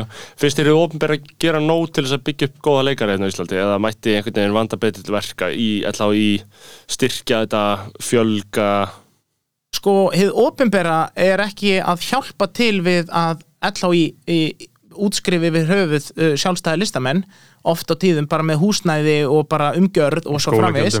En innihaldið og infrastruktúrin í LHI er ekkit gallalaus en LHI hefur einstaklega gott úrval af fólki sem maður trúir og trestir og líður vel hjá. Ég verð bara að segja það. Og uh, Haldur Gerastóttir leiðir uh, þennan hóp sem prófessor og ásamt Hannes og Ólaða fagstjóra. Þau deila þessu, allan að nú er ég bara að tala um leikarabrautina og þau deila þessu og, og, og sömulegis Una Þorleifsdóttir og með, með, með Sviðsöndabraut og svo framvegis. Þetta er rosa hún, hún er flott. komið í þáttinn. Una? Já, ég var að hlusta á hann á nice. Já, og, og Dóra góðu þáttu, byrjaði Ok. vel. Jú, mjög skemmtileg strókar um, og mér, fann, mér, mér leið vel þarna og þau kenna manni allt sem að uh, þetta er bara, uh, sko, kenna þau eru að opna aðgengið þitt að þessu út af því að vinnutólið þitt í framhaldinu verður þú sjálfur. Akkurat. Þegar þú útskrifaðist Þú þú. þegar Þú þú, þú. Og aldrei því. þegar þú útskrifaðist þá var það Kristni Aldundu Jökli. Já, uh, kanntu þá mynd utan að? Uh, kvikmyndina? Já. Uh, já, ég lærði hana mjög ungur að þannig sá ég fyrir mér gott leikus sko. mér fannst þetta alveg snildar leikus sko. Já. Gerir uh, dóttir hans hana? Er þetta ekki Guðni? Jú, jú, Jú, Guðni, já. þetta er Guðni Haldursdóttir og hvort þetta sé bara fyrsta myndin hennar í fyrir lengt með kvikmyndafyrirtæki umbáð á bakvið sig sem er sko notabenni heitið á aðalpersonu sögunar Ah, umbóðsmaður biskups. Umbi, hann mætir hérna til uh, að skoða eitthvað hérna hjá Jóni Prímusi. Hvernig er sagan aftur? Hver er, hver er sögutráðan í Kristni Aldundu Jökli? Er ein, þetta er, ég, ég las þessa bara fyrir löngum þessa bók. Já, Bókin skrifuði sem skýrsla. Í raun og veru. Já. Um, um, já, um, um, um, um skrifa skýrslu. hún, hún, hún hefst á biskup kallaði undir þetta á fundsin í gær Akkurat. Um- frábær, frábær setning. Um, Umbi er sögumæðurinn er sögumaður aðeins, og ber ekki nafn Nei. Við vitum ekki hvað umbi heitir, þetta er umbóðsmaður biskups. Er uh, bara, þetta er. Já, við geggjaði starfstitill. Mér finnst það og mér finnst þetta bara, sko, þú spurðir hvað fjallar þessi saga um? Það er það er rosa óljóst. Ég, á, á meðan ég var að gruggi í þessu og gera þetta verk uh, með mínu góða fólki þarna, þetta á að vera einhver hippa saga og sem fór maður sko sem ég, Þetta er skrifað hann í kringu 68 eða eitthvað svoleið, skilur ég held þetta sé bara akkurat árið Já. uh, og þarna hóvar að segja eitthvað svona er þetta ekki skrifað eitthvað í kringu þetta Já. skilur vitandi það bara alveg upp Já, á já, einmitt. einmitt. þarna Nei, þarna hippasaga og svo framvis og það er líka gerður svona skemmtilegu greinamunur á bæk, bókum Lagsnes sko fyrir og eftir Nobel. Já, Já. Mér finnst það svolítið fyndið. Mhm. eins og hann hafi ekki að þær hafi verið svona óljósari. Já, þetta verður rosalega, þetta byrjar svolítið að leysast upp og eða svona, byrjar að ganga lengra í, ég meina, eins og, eins og Kristján til Jökli, eru þetta bara tölu tórskildari en, hann, hann fer alveg svona svolítið full avantgard í kristnaldum jökli ég meina, fyrsta bókin, fyrsta bókin eftir Nobel, ætli það sé ekki brekkot saman, ég veit það ekki alveg. Börn. hven- er Nobel- Nobelin? Nei, Nei, eftir- já, eftir- eftir Nobel. Já, það er rétt. Ég held það, já. Ég held það líka. Uh, og, uh, og Brekkottsson all, þá heldur hann samt alveg svona ennþá svolítið í farið en síðan þegar hann komin í bæði kristnihalduð og guðskjáðu þölu og paradísarheim, þá er hann aðeins á öðrum nótum. Uh, en kristnihaldið uh, frábær, frábær texti, frábær mynd. Mér finnst það, mér finnst mm bara mér finnst bókin skemmtileg, mér finnst myndin frábær. Þetta er bara eh, náttúran á móti, móti borginni sko, Já. þetta er svolítið þar. Og, og hvaða, hvaða senur sitja eftir þér? Getur þú farið með þér? uh, Hvað senu sitt eftir? Ég er náttúrulega sko fundur Gottmar Singmans, professor og doktors og uh, Jóns Prímusar er náttúrulega, hún er afspyrnu skemmtilega skrifuð. Og eins og myndin framkallar hana hún var mjög trú sko, eins og því ég skrifaði þessa leikgerð mína þá gerði ég hana upp úr sko, sem í listaháskólanum. Já. og gerði hana upp úr sko uh, leikgerðinni frá 1970 sem og kvikmyndinni sem á bókinni. Ég bara tvinnaði þessu öllu saman og sen er þetta svipað. Já. að það er sko, Gottmar Singman er sko uh, professor og doktor, hann er einhver vera sko. Samt um, Holdablóði og Helgi Skúlason gerir þetta svo að hann segir sko hello John. Og þá er Jón Prímus út í grassi sko og hann segir Mundi, ert þú komin? Hvar er Úa? Úa er svona sameiginleg vera sem þeir hafa kynst og eru allir líka um kona. Eina af þeim furðu verum sem vist aldrei hafa þrifið sig samt tandur hrein, aldrei lesið í bóku en rekur alla lesna menn og gat. Eða hvernig var þetta, sem sagt veit, eh, já, og sömuleiði sko uh, hefur aldrei séð hann að borða. Sísött, sísæl en hann spyr, hvar er Úa? Úa, hún er löngu dáin. Vissur það ekki? Ég held þú ætlar að gera hún í kraftaverk. Ég breytt inn í fisk, segir Gottmann Singman. Og Mundi segir, nei, og Jón Prímus segir, hvernig fórst að því Mundi minn? Ég var stattur út í þessari bláfeldará þegar skeiti barst um að úa væri dáin. Nokkur mínútu síðar var á önglunum svo stæsti fiskur sem ég á aðeins minni séð. Þetta var gála, 40 pund. Mölvaði fyrir mig stöngina og syndi burt. Um kvöldið fundum við fiskinn langt niður frá, þar sem garnið hafði vafist utan um steinibu. Þetta var gála, hún var 40 pund. Ég vissi strax að þetta var mjög merkilegu fiskur og rak sérstakt erindi. Jón Prímur svarar, Nei, mikið lígur um myndið minn, blessaður vinnur, haltu áfram. Og síðan segir Gottmann Singman, Úa var nú einu sinni Úa. Ég veit, þú hefur aldrei fyrir ekki mér John. Þetta var þín kona. Veist þetta alveg Þetta er áhrifaríkt Já. Já. og þetta er, þetta er svolítið absúrdismi, skilur Já, já, mér finnst þetta bara, mér finnst þetta bara einstaklega bara skemmtilega farið með litrikt mál. Já, uh, en þetta er ekki alveg eðlilegt kannski að muna þetta svona þegar maður er krakki, alla myndina, eða hvað?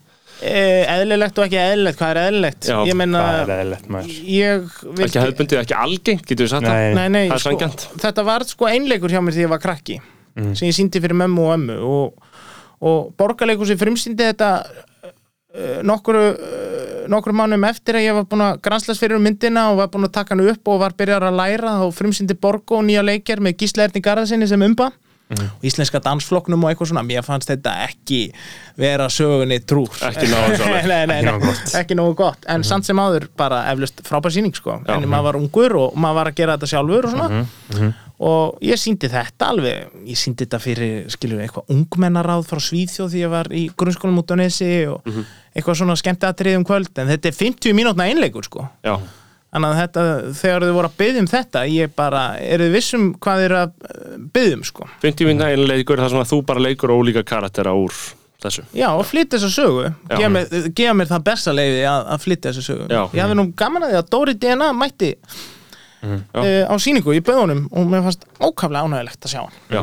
og uh, sagðan af eða á um hvort það væri gott á, Eh, hann eftir að tjá sig um það. Ég held hann eigi eftir að tjá sig um það Já. En hann þakkaði bara kærlega fyrir sig og bara ég sá hann brosa og þetta, ég síndi litlum sal Ég var mjög nærri áhörfundum Já. Mér fannst það gaman. Lagsnes í íslensku samfélagi, hvað stendur hann? Í dag? Í dag. Tímalaus. Já, Já, uh, ég vona það. Já, já. Veist, var Fyrir hérna- mér er það sko. Já, já að því ég minna, ég var að uh, ég var að púla þær upp þegar vorum að tala um sko, aðna, uh, hvaða bækur koma undan og fyrir, sko. Mhm. uh, hann fær Nobelin, sko uh, 55 55, já. Og þá náttúrulega, sko, ríkistjóttin uh, hattar hann á þeim tíma uh, af því að hann er vinstisinnaður og þarna er svífurtur af þeim þarna, þú veist, bara einhvern veginn er ekki, það er ekki tekið mótornum ekki undir baka og það var svona rosa uh, flókið og erfitt allt saman, sko. En sko, við erum að tala um að katalógurinn er helvíti góður hjá hann, sko. Hann er magna veist, við varum mikil frá Gasmír, Salka Valka uh, Heimsljós. sjálfstætt fólk, heimsljós Íslandsklukkan, Heimsljós mögnuð bók. Það er kongabókin eina sanna sko. Það er það svolítið, Já. þetta er örgleitt uh, fallegasta skálskaparrit sem hefur verið saman orðkvöli jarðar Já. sko. Já, hefur þú heyrt uh, hefur þú hlustað á með lagsnes á heilunum hlaðarpið, Nei, sem að uh, gljúfrasteinn framleiðir býtu nei Já, það er, ég hef ekki lust á það heldur það er mjög, margt mjög gott þannig. að það er sérstaklega, það er viðtal við Ragnar Kjartansson um heimsljós Akkurat sem hann sett upp Já, hann sagði að hann, hann hefur notað í margar sýningar Já. hér og þar og hann er svolítið að tala um sína uh, upplifun af heimsljós Ég Fyrir um. Kjartan Ragnarsson pappans sett upp heimsljós Fyrir Raggi Kjartans, já. já, auðvitað, auðvitað, Já. auðvitað já. en Raggi Kjartans hefur notað þetta í fullt af stöffi sko. já, og það er epist sko. En sko, og ég- það, það er líka geggjað sko, uh, hún, aðna, Óli Steff er hann líka að tala um brekka gott sannhál og aðna, Silja Aðalsteins að tala almennt um Lagsnes og svona hvað hann þýtti fyrir svona uh, hennar skilur, Mhm. sem fæ mann svolítið að því hvað, fæ mann svolítið til að hugsa sko, hvað er þetta fyrir okkar kynnslóð sko. En sko, heimsljós, það er Ólafur Kársson, ljósvíkingur.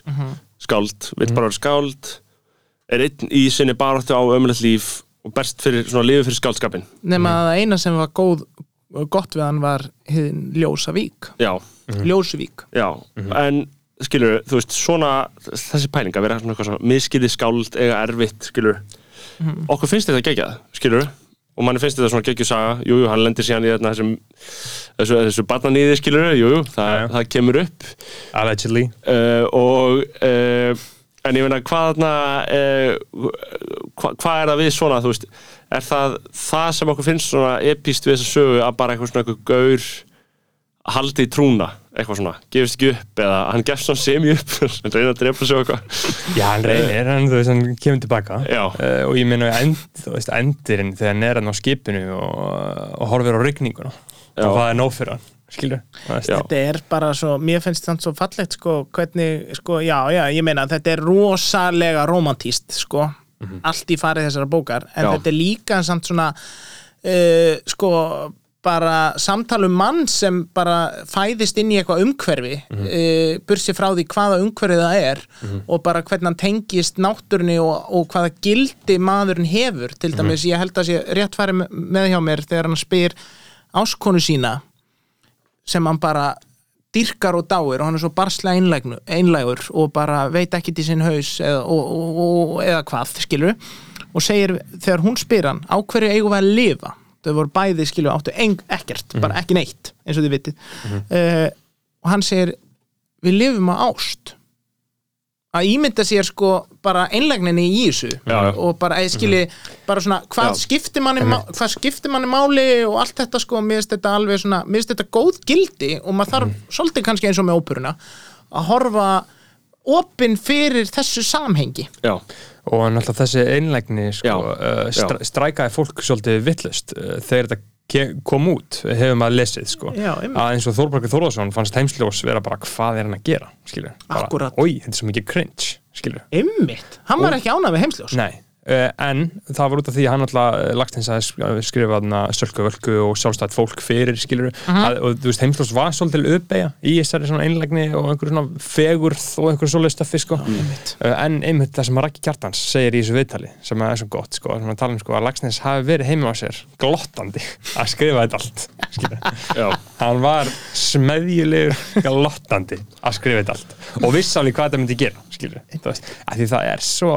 fallegt uh, og magna að vera reythöfundur að vera að uh, spila þetta í marathónu sko. Já, já, já, já. bækur er ekkert að fara að uh, fá viðbröð þegar það kom út sko.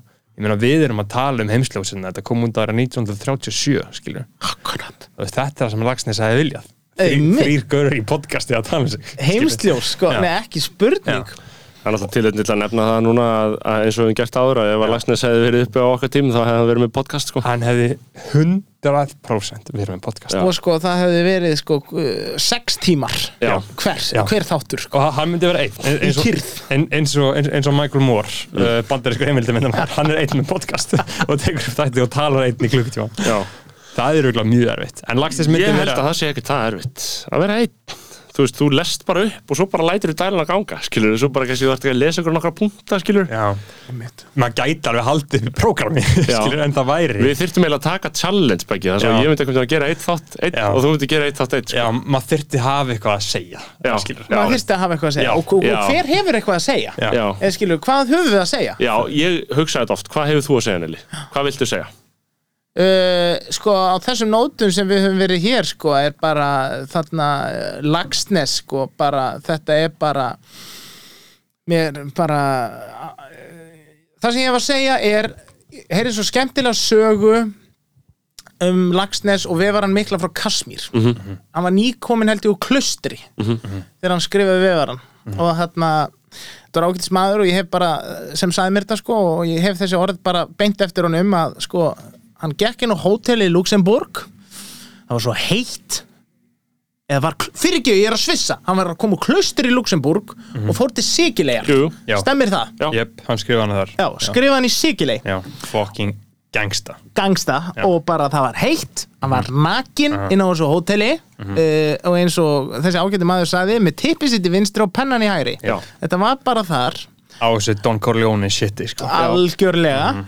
Það Já. var líka, já, Nei, bara dvaldi þetta í mánuð. Gekk út uh, síðan eftir uh, að hafa lokið við skrifum var búin að dvelja þetta í mánuð. Já, og eins og ég ímynda mér þetta gengur upp að afgræsluborðinu og segir, heyrðu ég er að tjekka mig út hérna herbyggi, da, da, da, da, og hún bara eflust bara, skilur, þarna hólfið fyrir leikilum var ríkfallið, sko, hann var búin að vera þarna svo lengi.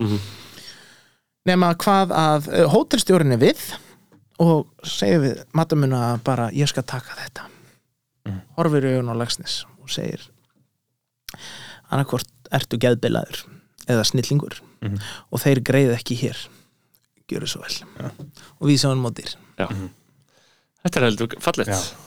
Já, og á þessum tíma þegar Lagsnes var hérna uh, Sigileit, þá var hann líka að skrifa uh, alltaf pistla heim uh, sem, að var, sem voru teknið saman í bókinni af menningar ástandi það sem að hann er sko, fokk hann tekur djúpt í árina Já, sko, það sem hann er að svífyrða uh, íslenska þjóð þarna er hann í einhverjum ítalskum bæjum sko, að chilla með einhverjum hommum og transkonum Já, hann er mega langt þarna, sko. og þú veist, og er bara á einhver allt öðru shiti sko. akkurat, hann var að sjá heiminn Já, bara eitthvað svona heim, alvöru heimsborgara shit Já, sko. þetta er líka, þú veist, þetta er Roaring Twenties Þú veist, þetta er Þetta er Roaring Twenties, það er svakalegt menningar ástand það var ekki komið veist, bólk var ennþá í bóndakotum Já, en fólk var samt alveg að, að transa sig í gang og bara hommara, hommast þarna síkilegi og já, en, alls en, konar, en á sko. Íslandi voru menn bara að borða mold. Já, og hata homma. Já, já, og, við bara, vorum tannlaus og og bara nöðga í hlöðum sko. Já, Þetta var og drekka og eitthvað svona, þetta er alveg rétt. Og, og líka bara það að, að Lagsnes hafi sko farið, sko þetta til fyrirmyndar að hann hafi fundið vettvang til þess að finna, eða, sko að sjá heiminn. Og það sem mér þykir hvað merkilegast er að það virðist vera Lagsnes allstaðar í því sem hefur breytt mannkinsögunni Nürberg réttarhöldin. Já, þar á það er einhver svona fjölda myndataka af, af skilur einhverjum áhörundum og, og einhverjir spekingar segja að þarna situr Lagsnes og Já. situr svona ringutan um eitthvað svona ófókusera höfuð og sömuleiðis bara uh, kommunistarnir í Rúslandi ég meina, Mhm. ég held að Lagsnes hafi orðið vitna því að þegar hann var að heimsækja vinsinn í Rúslandi, Íslending sem var giftur mjög svona harpolítískri uh, kommunista ungfrú í Moskvu Uh, nema hvaða Íslendingunni er ekki heima á þessum tíma. Uh, hann og þarf eflaust að býði einhver fjóra daga eftir honum ef ekki viku og hann vissi ekkert hvernig hann kemi heim og var bara að fara að heimsækja hann þarna spontan. Nema að Lagsnes verður vitna því að uh, hún verður handtekinn af uh, rúsnesku leinilörglunni og eflaust sett í gúlag því að hún bara engar, engar, hún bara sást ekki eftir og engar vitniskjur um þessa konu hvorki fyrir henni síðar.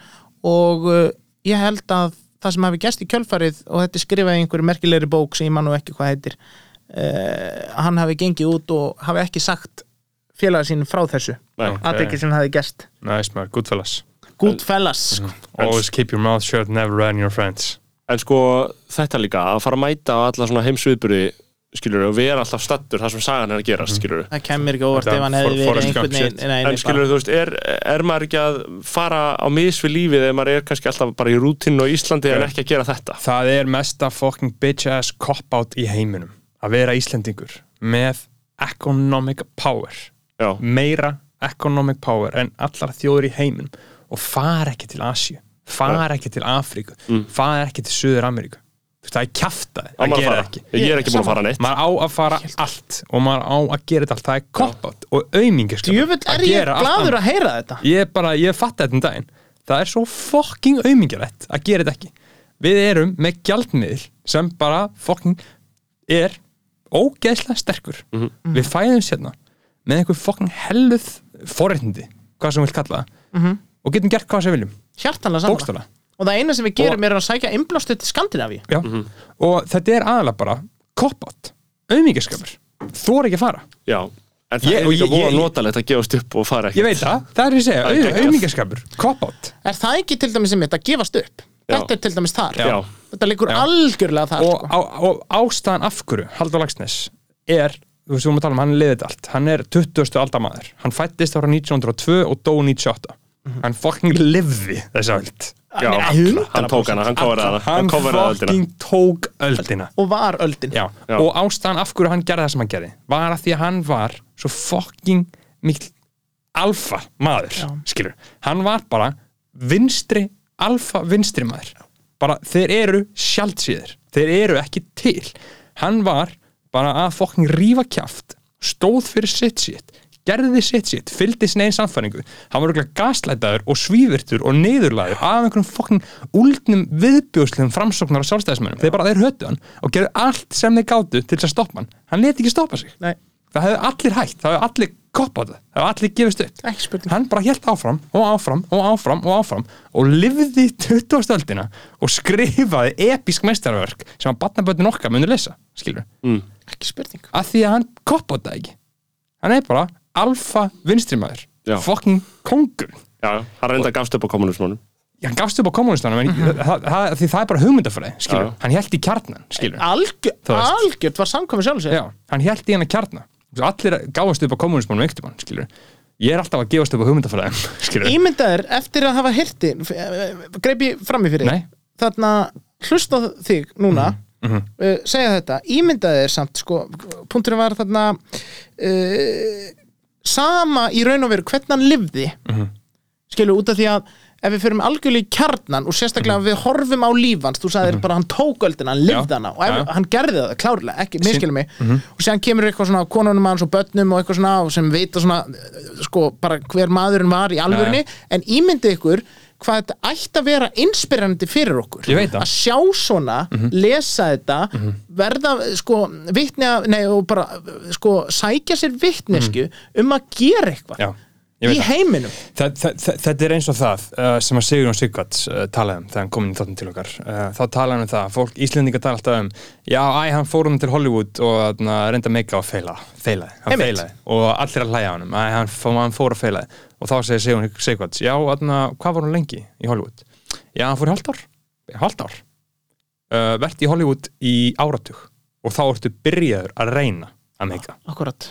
þá skal ég hlæja þér eða samgleðast þetta er svo mikið smáborgara líf sko. Já, þetta er þanga það. til þanga til, þá eru ekki að fara að tala um það þú fórst og reyndir að meika og, og maður á að gera eitthvað í heiminum maður á að gera eitthvað heiminum Já. og maður á líka að sína sko markmiðum sínum þólinmæði maður á að, skilur, maður á að, að nostra við þau, Já. maður á að, maður á að, að sækja sér það sem maður vill Já. og skilur dvelja í því. Ekki bara taka allt skilur bara for granted og bara halda allt gerist bara nú leitni skilur dvelja í einhverju ástandi og læra á það og læra á þig í því ástandi og Litli persónulegi sigrar, hver með þessu degi? Hvað segirðu? Litli persónulegi sigrar á hver með þessu Nei, ekki spurning og skilur hálft ár út í Hollywood. Ég meina, skilur, ég var í mánuði í Paris sá ekki neitt. Eða skilur, bara, skilur, þetta er ekki ég var bara í frí Einmitt. og, og það er náttúrulega magna sko í Ísland Bíóland þáttunum þegar það kom út uh, þá var svolítið farið í uh, þegar Lagsnes fór til Hollywood. Og náttúrulega sko Lagsnes svona 30s eftir vefaran uh, milli vefarans og Sölku Völku þá fór Lagsnes bara til Ameríku Nei, klárlega. Og bara ætlaði að fara að skrifa kvikmynd. Salka Valka var uh, uppröðunum bara að hafa handrit. og það átti bara að gerast. Sem því miður og eða sem betur fyrr feilaði produksjónin. Mhm. að því að þú veist bara skilur framvinda Íslands hefði bara verið allt önnur. Að því hefði Salka Valka farið í framleyslu og Haldur Lagsnes hefði meikað sem handrit sögundur þá hefði hann ekkert skrifað þessar skáldsögur skilur, kannski ekki, nei öruglega ekki eða hvað? ég, ég veit það ekki Nei, ég meina, Af því að- samkvæmur sjálfur sér skilur, Já. þetta var eitt verkefni til Já. þess að byrta fram íslenskan veruleika eins og hann sæjan Einmitt. inn í, í, inn í innu stafræna kvikmyndaformi Mhm. og á meðan skilur rótina, hann kom alltaf aftur heim Mhm. skilur, hann var út í heimi og þrátt fyrir hann myndi, skilur, meika því í Hollywood af hverju, eh, skilur, meika hann í Berlín af hverju var hann þá ekki meir í Berlín eða í Hamburg eða, fræ, eða skilur, eitthvað svona Mhm. Já. eða Moskvu En þetta er líka kannski að því að ég hef verið mjög um, leiðilegur, líka ofnberla við skáldsöguna. Ég hef verið að tala illum skáldsöguna. bara yfir höfuð Já, eða svo að tala concept. þetta sem konsept svona Já, á ég- okkar tímum. Ég hef ég- verið ég- þessi kvikindislegur við Já, skáldsöguna. ég hef verið ósamlegaður Og Berþór hefur verið ósamlega með og ég hef verið að tala um að þetta sé dögt form núna í okkar samtíma. Og ég, ég er svo sem ekkert afdráttalauðs í því, ég er ekkert alveg ákveðin í því, en það er svona mín tilfinning. Mm. Uh, en þá hugsa ég samt, skilur ef ég hugsa, ok, ef við tek ef við blanda saman umræðefnum minna, þú veist, þá erum við með Lagsnes, það er sitt, gott sitt þú veist, og hann hugsaði örugla þá. Þá var örugla umræðum að skáldsagan væri döð og kvikmyndin hefði tekið við Já, skilur, já, já, þá var örugla umræða, sko, og þess vegna var hann líka örugla dara við að fara yfir í þetta. Uh, nei, nei, hann held sig við skáldsögunar og skáldsögunar eru það sem lifir. Einhverja fokking ömulegar 30s, 40s kvikmyndir. Það lif ekki, sko. Nei, nei. uh, og svo, ópera. Þú veist, ópera hefur lifað alltaf Já, hún er bara alltaf, þú veist, hún getur ekki dáið það er bara alveg sama hvað er gert, skilur hún getur ekki dáið í raun og veru eins og staðinu núna en Já. samt notabenni sko svo það sé tekið fram líka að þetta er að einhverju leiti samt eigandi já, skilu, Já. út af því að það er bara hóparnir þrengjast Já. Já. Það, það þarf bara að miðla þessu þvert á miðla. Óperan þarf bara eina Amadeus eða Black Swan sko. Í- algjörlega bara og líka bara heitt mynd sem hefur áhrif ekki spurning og líka svolítið eins og þú sést að segja snorri sko að við þurfum að horfa stundum í baksinnspeilin og bara ekki gleyma því hvaðan við komum. Og við komum skilu þrátt fyrir að við komum úr einhver moldarbeði og eitthvað svona næs þá þarna komum við líka frá klassískum heimi þrátt fyrir að út af þetta er heimurinn okkar skilu og við erum bandaríkin, við erum Evrópa skilu, þetta er bara bakgrunin okkar og við áttum personur skilu sem heita Amadeus og heita uh, Bush og Obama og næs eitthvað svona skilu og Já. uh, Fritz Gerald og bara allt þetta stöf uh, að við verðum að einhvern veginn að, halda utanum þetta og varfið þetta, þetta þannig að við getum einhvern veginn skilur alltaf sótt innblástur inn í þetta, hvernig fóru þau að þessu og hvernig var þetta samið? Til þess að við getum til dæmis haldið bara áfram í að þróa það sem er að gerast til dæmis með popkúltúr í tónlist eins og þú nefndir mm. óperuna og eitthvað svona skilur. Bara við þurfum á þessum grunna að halda. Já, og með skáldsöguna skilur ímyndunaraflið, uh, sko ég veit ekki alveg hvert þú ætlar að fara með sko, ég var að fara að segja ég hefði í raun og veru núna eftir allt smá trú á henni, aftur. Já, ég meina, skilur, þetta er ímyndunaraflið. Þetta er eitt af voðaskálum ímyndunarafliðsins Ekki spurning, skilur. Bara að sjá heiminn í öðru ljósi og hvað þá í gegnum, skilur, ímyndaði líka kyrðina við það að lesa bók skilur, versus það að fara í leikhús eða skilur allt þetta stöðu áriti hvað þekkjuru, skilur, og sérstaklega í íslensku samfélagi þau ert alltaf að horfa til hægri og vinstri byrju, þekki ég ekki þennan? Já, já. já, og bara meira svo í sundi þrátt fyrir að það er að vera slökun þá ertu svona, já, þessi rosalega félagslega aðtapn líka. alltaf rosa mikil. Versus þú getur verið einn með sjálfið þér í annari tilveru. Best í heimi, það er svolítið þannig. Þannig að án skáldsögunar væri við óð. Já, já og það værim í sífellu áreiti. Við værim í sífellu uh, sífellu svona sem við erum náttúrulega í alltaf í samkeppni bæði við okkur og aðra. Já. uh, það er bara snýst líka bara um að þú veist, uh, alltaf á Íslandi að gefnar út svolítið mikið af bókum sko. uh, aðeins og mikið, fólk mætti alveg taka sér eitt ár enn í skáldsöguna sínar skilur, þú veist. já, já, já. uh, og maður þarf bara svolítið að vera duglegur að sikta út uh, hvað þú vilt lesa af því ég held að það sé uh, rosa algjönd vandamál hjá fólki að halda að þeim, þau kun, get ekki lesið eða vil ekki lesa af því þau eru að lesa leðilt sitt að dótt sem þau tengi ekki við skilur, og það er svolítið erfitt aðgengi sérstaklega líka að erlendum höfundum.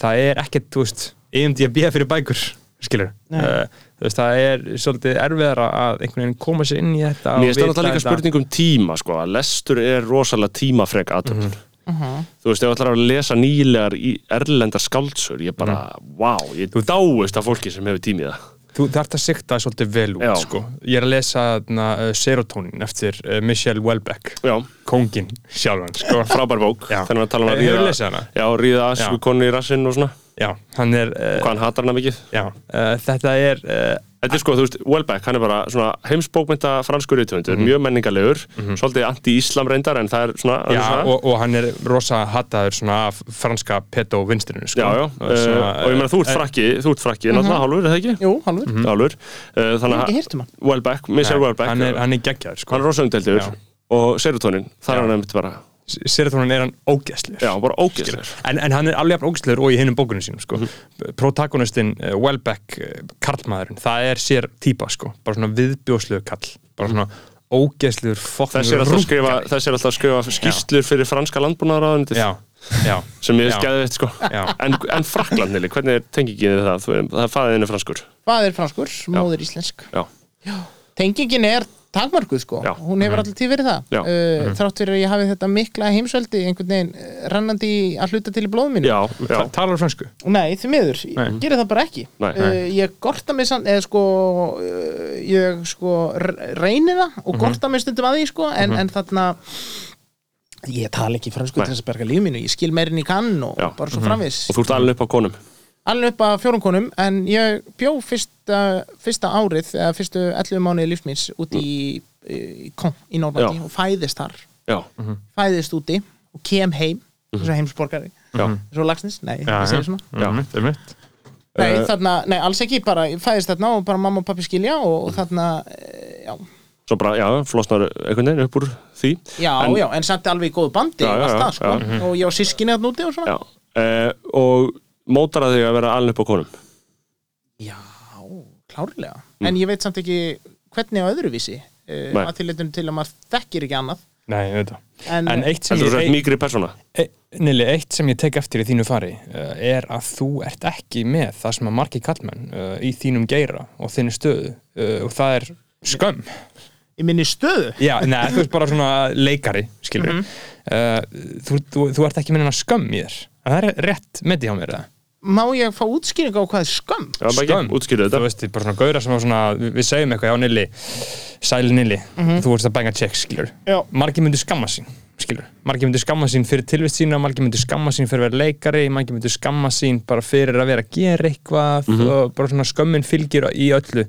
Þið vitið alveg hvernig kallmenn ég er Ég að tala já, já, klárlega, Tala sig alltaf niður, tala sér alltaf niður. ah, mm, mjög slæmur eiginleiki Já, og Sem- jafnvel segja samt annað en þið meina svona Já. að þið Já. veitum til þó þið segi kannski Já. að bara maður sé stoltur að einhverju Já. þá innst inni, einmitt, já, algjörlega, auðvitað Já, Já. uh, og þú lausar þetta? þetta er mjög, mjög karlmannlegt sko, konur er ekki með svona skömm myndi ég segja sko. Uh, Stundum kannski. en hún er samt annars konar sko. Hún er Já, já. An, mjög, mjög annars konar og ekki jafn svona, uh, svona karaktermótandi hjá þeim myndi ég segja. Mér finnst þetta mjög fallega sagt um mig sko. ég, en, en sko, mér finnst bara að það, það minnsta sem maður getur gert yfir að vera manneskja er bara að bera bara höfuð hátt og, og bara taka því sem maður er og bara horfa í speil, svona er ég í dag og, og ég get ekkert gert að því. Og bara það er frábært, skilur það er það, það er það. Þannig ég meina við höfum ekkert skilur annað en okkur sjálf og bara hvernig við erum, hvernig við lyktum hvernig við tölum, bara hvað við erum Já. og mér finnst það bara að skipta öllu máli skilu og þannig líka bara er bara, þannig líður manni vel strákar Mm. Og hugsaðu um þetta, ert alltaf, hefur, hefur, hefur meðvitað unni í sjálfur eða ertu bara king að eðlisvari? uh, ég held að sko uh, þarna ég, sko, ég hugsa ekkit um þetta bara ekki neitt, en aftur á móti uh, eins og ég segi ég er svo einstaklega vel upp alinn langar með að segja, ég kemur rosalega góð, góðu fólki sko, kemur af góðu fólki og þarna ég ofhugsa samt stundum. Ég er alls ekki gallalaus uh, uh, þarna uh, og svona ofhugsanir og svona uh, ég geri það stundum sko út af því að bara móðgæði þennan, móðgæði henni því ég get ekki nefnt nefn dæmi núna en til dæmis eins og þið talum, þú vorst að tala um hérna nýklassíkina, til dæmis þú sagðir ekkert slæmt um hana. Nei. þú sagðir bara, ég hefði verið til í eitthvað svona annars konar eða eitthvað svona álíka bara skilju og segir þetta ofinberlega í podcastið þitt og svo framvegis skilju uh, ég svona, ég passa mig þarna. Þú, þú ert ekki líklega til að láta svona falla. Nei, Já. ekki líklegur uh, uh, en aftur á móti en aftur á móti sko fannst mér finnst mér eh, sko skipta öllu máli að alltaf vera hreinskil að bara Það segja er það, rosalega sem að, erfitt að vera hreinskil það er það. Það er það.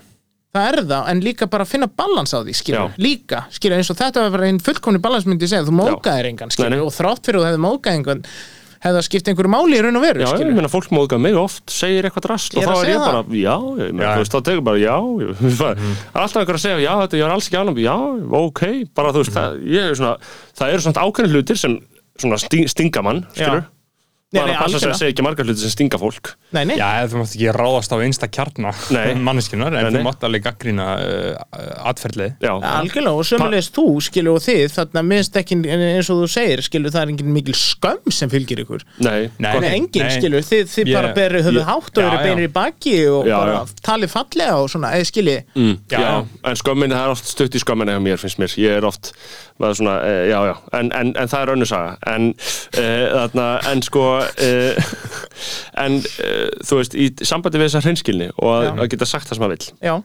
e, þetta er svo lítið land að maður er, maður þekkir fólk all, maður þekkir alltaf einhvern sem er bara eitthvað viðriðin eitthvað. Mhm. e, er, þá einhvern, er þá ekki bara dyggð að reyna að vera hreinskilin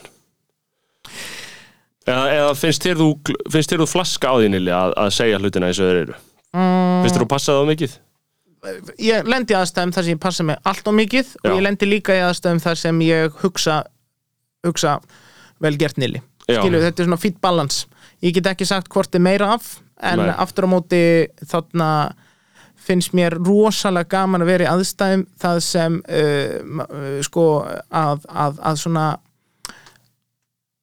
sem minnir mann á að maður á að hlusta meira en að tala skilur að svona bara að, að, að virða fyrir sér meira aðstöðuna sem maður er í og ekki alltaf að koma sjálfum sér að og skoðunum sínum Einmitt. að þeim fórsendum að bara svona leysum þetta, hvernig leysum við þetta? Heyr allt og finna niðurstöð skilur, það skiptir ofta ekki máli hvað maður gerir svo lengi sem maður bara stendur við það. Já, um mitt skilur, þetta er bara svona að, að bara svona að leita bara einhverju svona niðurstöðu og, og bara halda sér við hana og síðan viðkynna ef niðurstöðum var vitlaus eða einhverju Já, ég hvað við? já, að, bara svona, að bara svona þá bara bregst maður við því rétt eins og hverju öðru og þá kemur önnu niðurstað og eitthvað Já. svona stöf sko. taka ákvarðanir. Taka ákvarðanir, við erum ros feimin við það. Já. og við erum rosa hrætt finnst mér við það.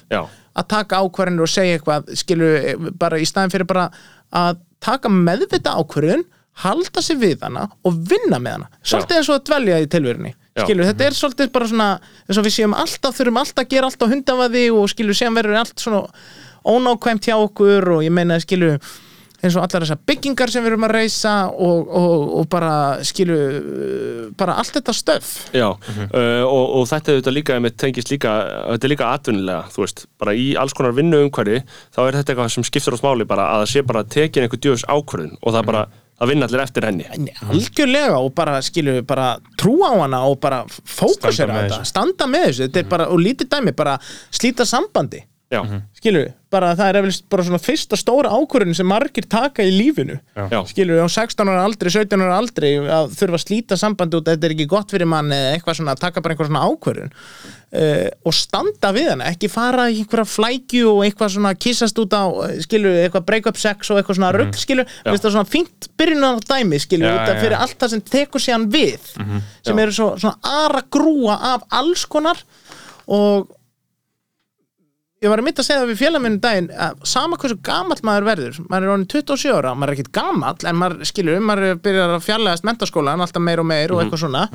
Að sama kjaftaði sem var til í mentaskóla það er bara einhvern veginn eldist ekki af fólki, skilur, bara umhverfið og bara svona hvað maður er að dýra við og eitthvað svona. Ég nefnilega lifi ennþá einhvern veginn í mér finnst, ég er mjög sammála þessu mentaskóli á Íslandi Já. þetta er bara einhvern veginn umhverfi sem við erum ennþá fastir í.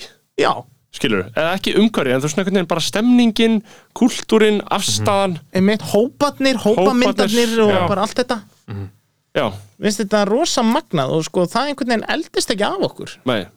Nema kannski einmitt fyrst endanlega bara um þrítugsaldurinn sem maður getur einhvern veginn verið bara komin burt úr því sem mentaskóli var Já, ég sko tengi ekki að veita það, ég lifi alls ekki í mentaskóla heima. Nei, Ég þú er fjarlæg- rift tengslurum Ég, neða, ég náttúrulega var í Veslu og á marga mjög góða vini uh, frá því þá en mér líður eins og það svolítið einhvern veginn uh, flosnaði svolítið upp úr því eða ég breyttist sko og fór einhvern veginn út úr því sko an, an, Í- annarkvort Já, sko. en já, við sko svona samfélagi skilur, Já, já. Að, að bara skilur, bara svona skilur, svona meira svona, þetta var meira meint sko allan frá mínum bætir, skilur, Mhm. að svona bara hvernig við við, við bara svona okkur. bagtölum og hefðum okkur, Já, að já. skilur, það er alltaf það er einhver svona tenging finnst mér Já. við, eins og bara svona, maður er að díla við 40 ára gamalt fólk og bara svona Þetta er sama shitið, já Soltið, Já, high school já mm Tengjur við það? Já, eða? já, já, Já. Ég, ég, ég, ég skil þig sko Já. að fólk hefur svo fucking mikið áhuga á allir fucking fólkinu í kringu sig Já. skilur bara slúður að þitt allt þetta einstakar, slúður er samt eiginlega svona svolítið rót alls íls sko, já, þú veist slúður er svolítið slæmt. Er slúður slæmt? Já, þú veist, er það ekki? Hvað Ég held ég held að. Slúður sko, þó að sé alltaf gaman að heyra það er alltaf gaman að heyra juicy, Já. slúður Já, já en eru þið slúður kennir manni samt líka eitthvað skilur þegar Já. maður heyrir slúður þá fer maður, eða svona, ég tengi við það því. speikla maður sig í því já. stundum, stundum já. sérstaklega ef eitthvað hefur farið misfærist já. Já. já, Uh, já, en Nilli, ég sé þið ekki sem mikið slúrara ég reyni ekki að vera það, Nei. en ég sagði ég er ekki gallalaus já, já, Þið þið eru náttúrulega bara að tala svo fallið um hann skilur, ég bara, nei, alls ekki ég reyn, bara slúður er ekki næ, sko nei, slúður er af hinnu illa sko. og öfundsíki já. Já, maður. Sko það er, er, er það ekki svona persónlegt ferli? Er það ekki svona persónlegt ferli hjá fólki að þurfa að vinna bug á þeirri tilhengu hjá sjálfum sér Jú, ég held að sko there comes a time in a man's life sko. uh, það sem að þú þarft að fatta að þú vilt ekki vera eins og einhver sko. þú vilt ekki vera eins og Halldór Lagsnes, þú vilt ekki vera eins og Flóniða Byrnir skilur, þú vilt vera þú sjálfur og taka bestu eiginleikana frá þeim sem þú horfir upp til þetta er svolítið, þú veist, Mountainans Kanye er svolítið, er svolítið if you are Kanye West fan, you are fan, yourself, fan of yourself skiljið, þú veist það er svolítið spekinn, þú veist. Kanye er svona mín helst, helsta inspirasjón í öllu sem að ég uh, tek mig fyrir hendur og Halldór Lagsnes svona cirka og einhverju svona aðrir hér og þar. Uh, en mér langar ekki til þess að vera hann, Nei, nei. mér langar ekki til þess að uh, halda tónleika skil, Nei, nei. skil, skil ég hvað ég meina. Eða vera persónugerfing af honum Já. bara með tilfinningalífið og en, allt en mér langar til þess að sko, ná að manifesta hans sko, attitút í því sem að hann gerir Mhm. í það sem að ég geri. Skilji hvað ég meina. Og uh, blekking uh, sko, samfélagsins og samfélagsmiðlana og bara kapitalismans uh, og auðlýsinga er að þú átt að vilja vera eins og fræga, ríka, sæta fólkið. Sem að er blekking sem er mjög erfitt að uh, sjá í gegnum sko. Mjög? Mjög erfitt.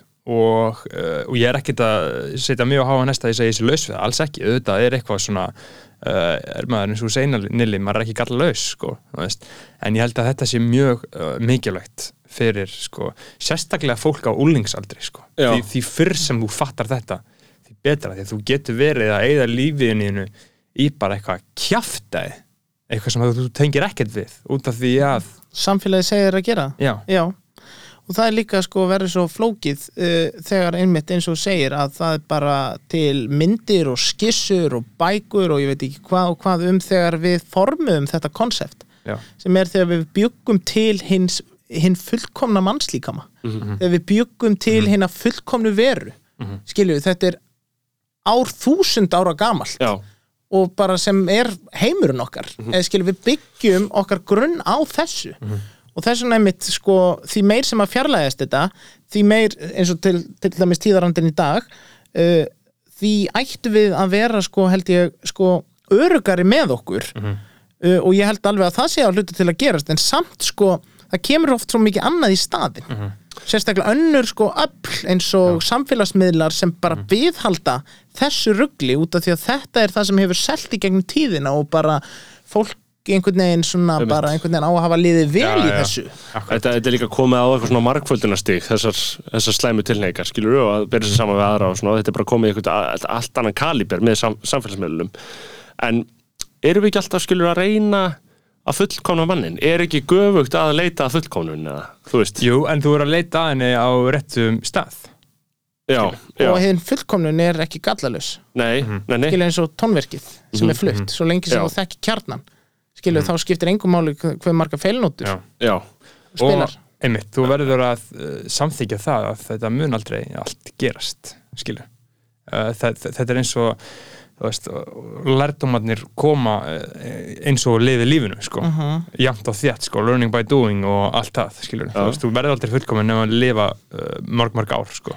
Og líka svona einhvern veginn algjörlega og sömulegis eins og þessi fíkn sko, slúður er fíkn. Uh, og til dæmis þessi tilneying okkar að slúðra til þess að láta okkur líða vel.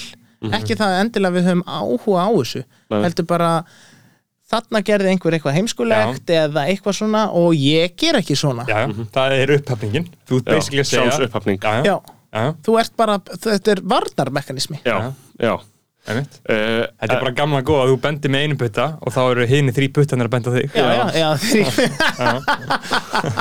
Það er þannig, sko. En sko, en já, já, og, þú veist, en við tölum satt um það, ég meina, jú, slúður er sjálfsupphafning, það liggur fyrir, sko, en, Oftast. veist, en ég hef aldrei gefið mig út fyrir að vera neitt sensei, þú veist, ég er ekki, Nei, nei, þú veist, maður er fullkominn, ekki það fullkomin það það eitthvað, þú veist, ég, held- ég held að mér finnst aldrei meika sens, sko, þú veist, þegar, Og- þegar fólk þykist vera að koma á það stans, og, það, stað, og sko. það er mjög hættulegt uh, fyrir fólk uh, sem er komað á þann stað að vera gúrú skilurðu. Já. og þegar það er að það er orðið partur af sjálfsmyndinni þinni, að vera fullkomin algjörlega uppljómaður og frelsaður að þá getur ekki gefið færi á að líða illa skilur, eða vera þunglundur eða kvíð og þá þarf þetta að vera í svo brútal fucking afneitun og afneitun er uh, það sem að fucking stjórnar heiminum okkar skilur. ef að við værum ekki með sko árþúsund bara þróunar gen í fullkominni afneitun í okkur Já. þá gætum við ekkert lifað við myndum finna fyrir öllum börnunum í Sýrlandi og konunum í já, og bara fucking Joe Biden og við myndum bara finna fyrir þessu öllu svo ógeðslega harkulega en við erum bara búin að fucking Afneitun nauðsynleg. mastera afneitun þetta er eins og hann að senan í hérna, senan í American Beauty þegar að mun eftir, hef ég American Beauty. Jú. já, mun eftir seninum sem var alltaf með vídeo, vídeovélina og pappan svo svona hermaður. Mhm. og þarna, hann er inn í, uh, inn í kærastan hans er inn í herbyggjunans og hann á fullt að græjum skilur, ógeðslega mikið að græjum og hann er alltaf að selja gras og er basically að fjármaka að kaupa græjum þessum með því. Og síðan sem, ok, en hvernig veit pappiðin hvað er að fjekk þetta, hann bara hvernig, þú veist, veit, hvernig veit pappi nei, hvað heldur pappiðin að þú gerir til að fjármagna þetta? Og hann segir bara, á, ég segir hann bara, ég er að vinna hérna á, uh, vinna hérna á veitingastað. Og þá, þá, þá, segir hún, já, ok, what? En hvernig getur hann trúa því, að þú veist að, að þú græði hennar pening á sig og þá segir hann, never underestimate the power of denial einmitt. Denial, afneitun er snild, já, afneitun?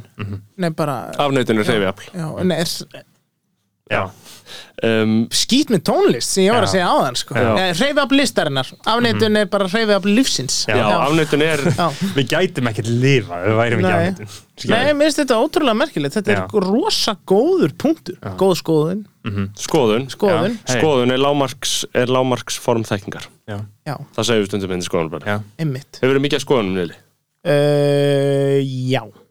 Ég held það Skoðana glaður? Skoðan glaður og mér, já, mér finnst gaman að tjá mig um skoðanir En sko, ég nenni samt ekki að, að, að, að, að sko mynda með skoðanir á einhverju sem ég þekki ekki Nei. og bara svona sem ég hef ekki kynst og það, það er, mér finnst það alltaf stangast á og þá líður mér sko í alvörin fíblalega Já.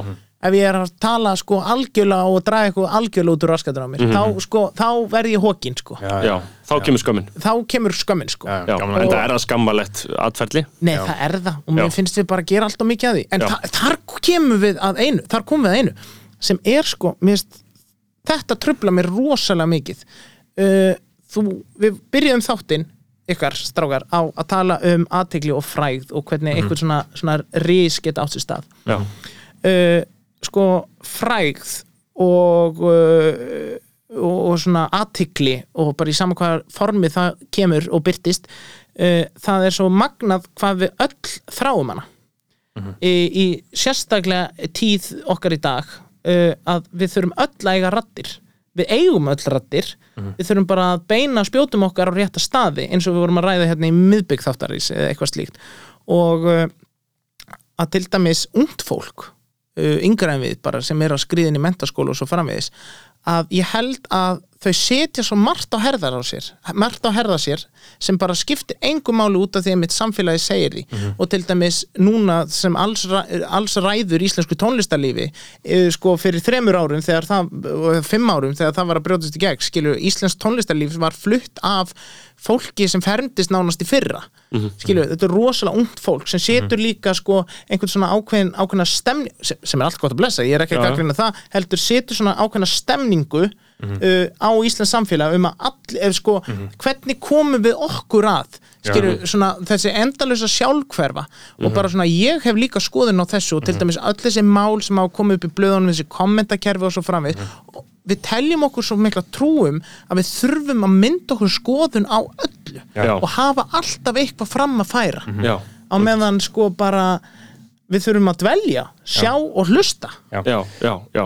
ég tók bara tónlistarlífi sem mér dæmi finnst þetta skilur. mjög mér finnst þetta verðuðu punktu vegna þess að þetta er líka stundum er eitthvað í gangi, eitthvað mál og einhver er að tala um það og ég vinn nú í fjölmjölum þannig að maður er einhvern veginn alltaf í ert með augun hringiðunni. opinn og ég er að hugsa, vá, ég upplifi ekki saman, sömu tilfinningar og aðrir í kringum þetta mál.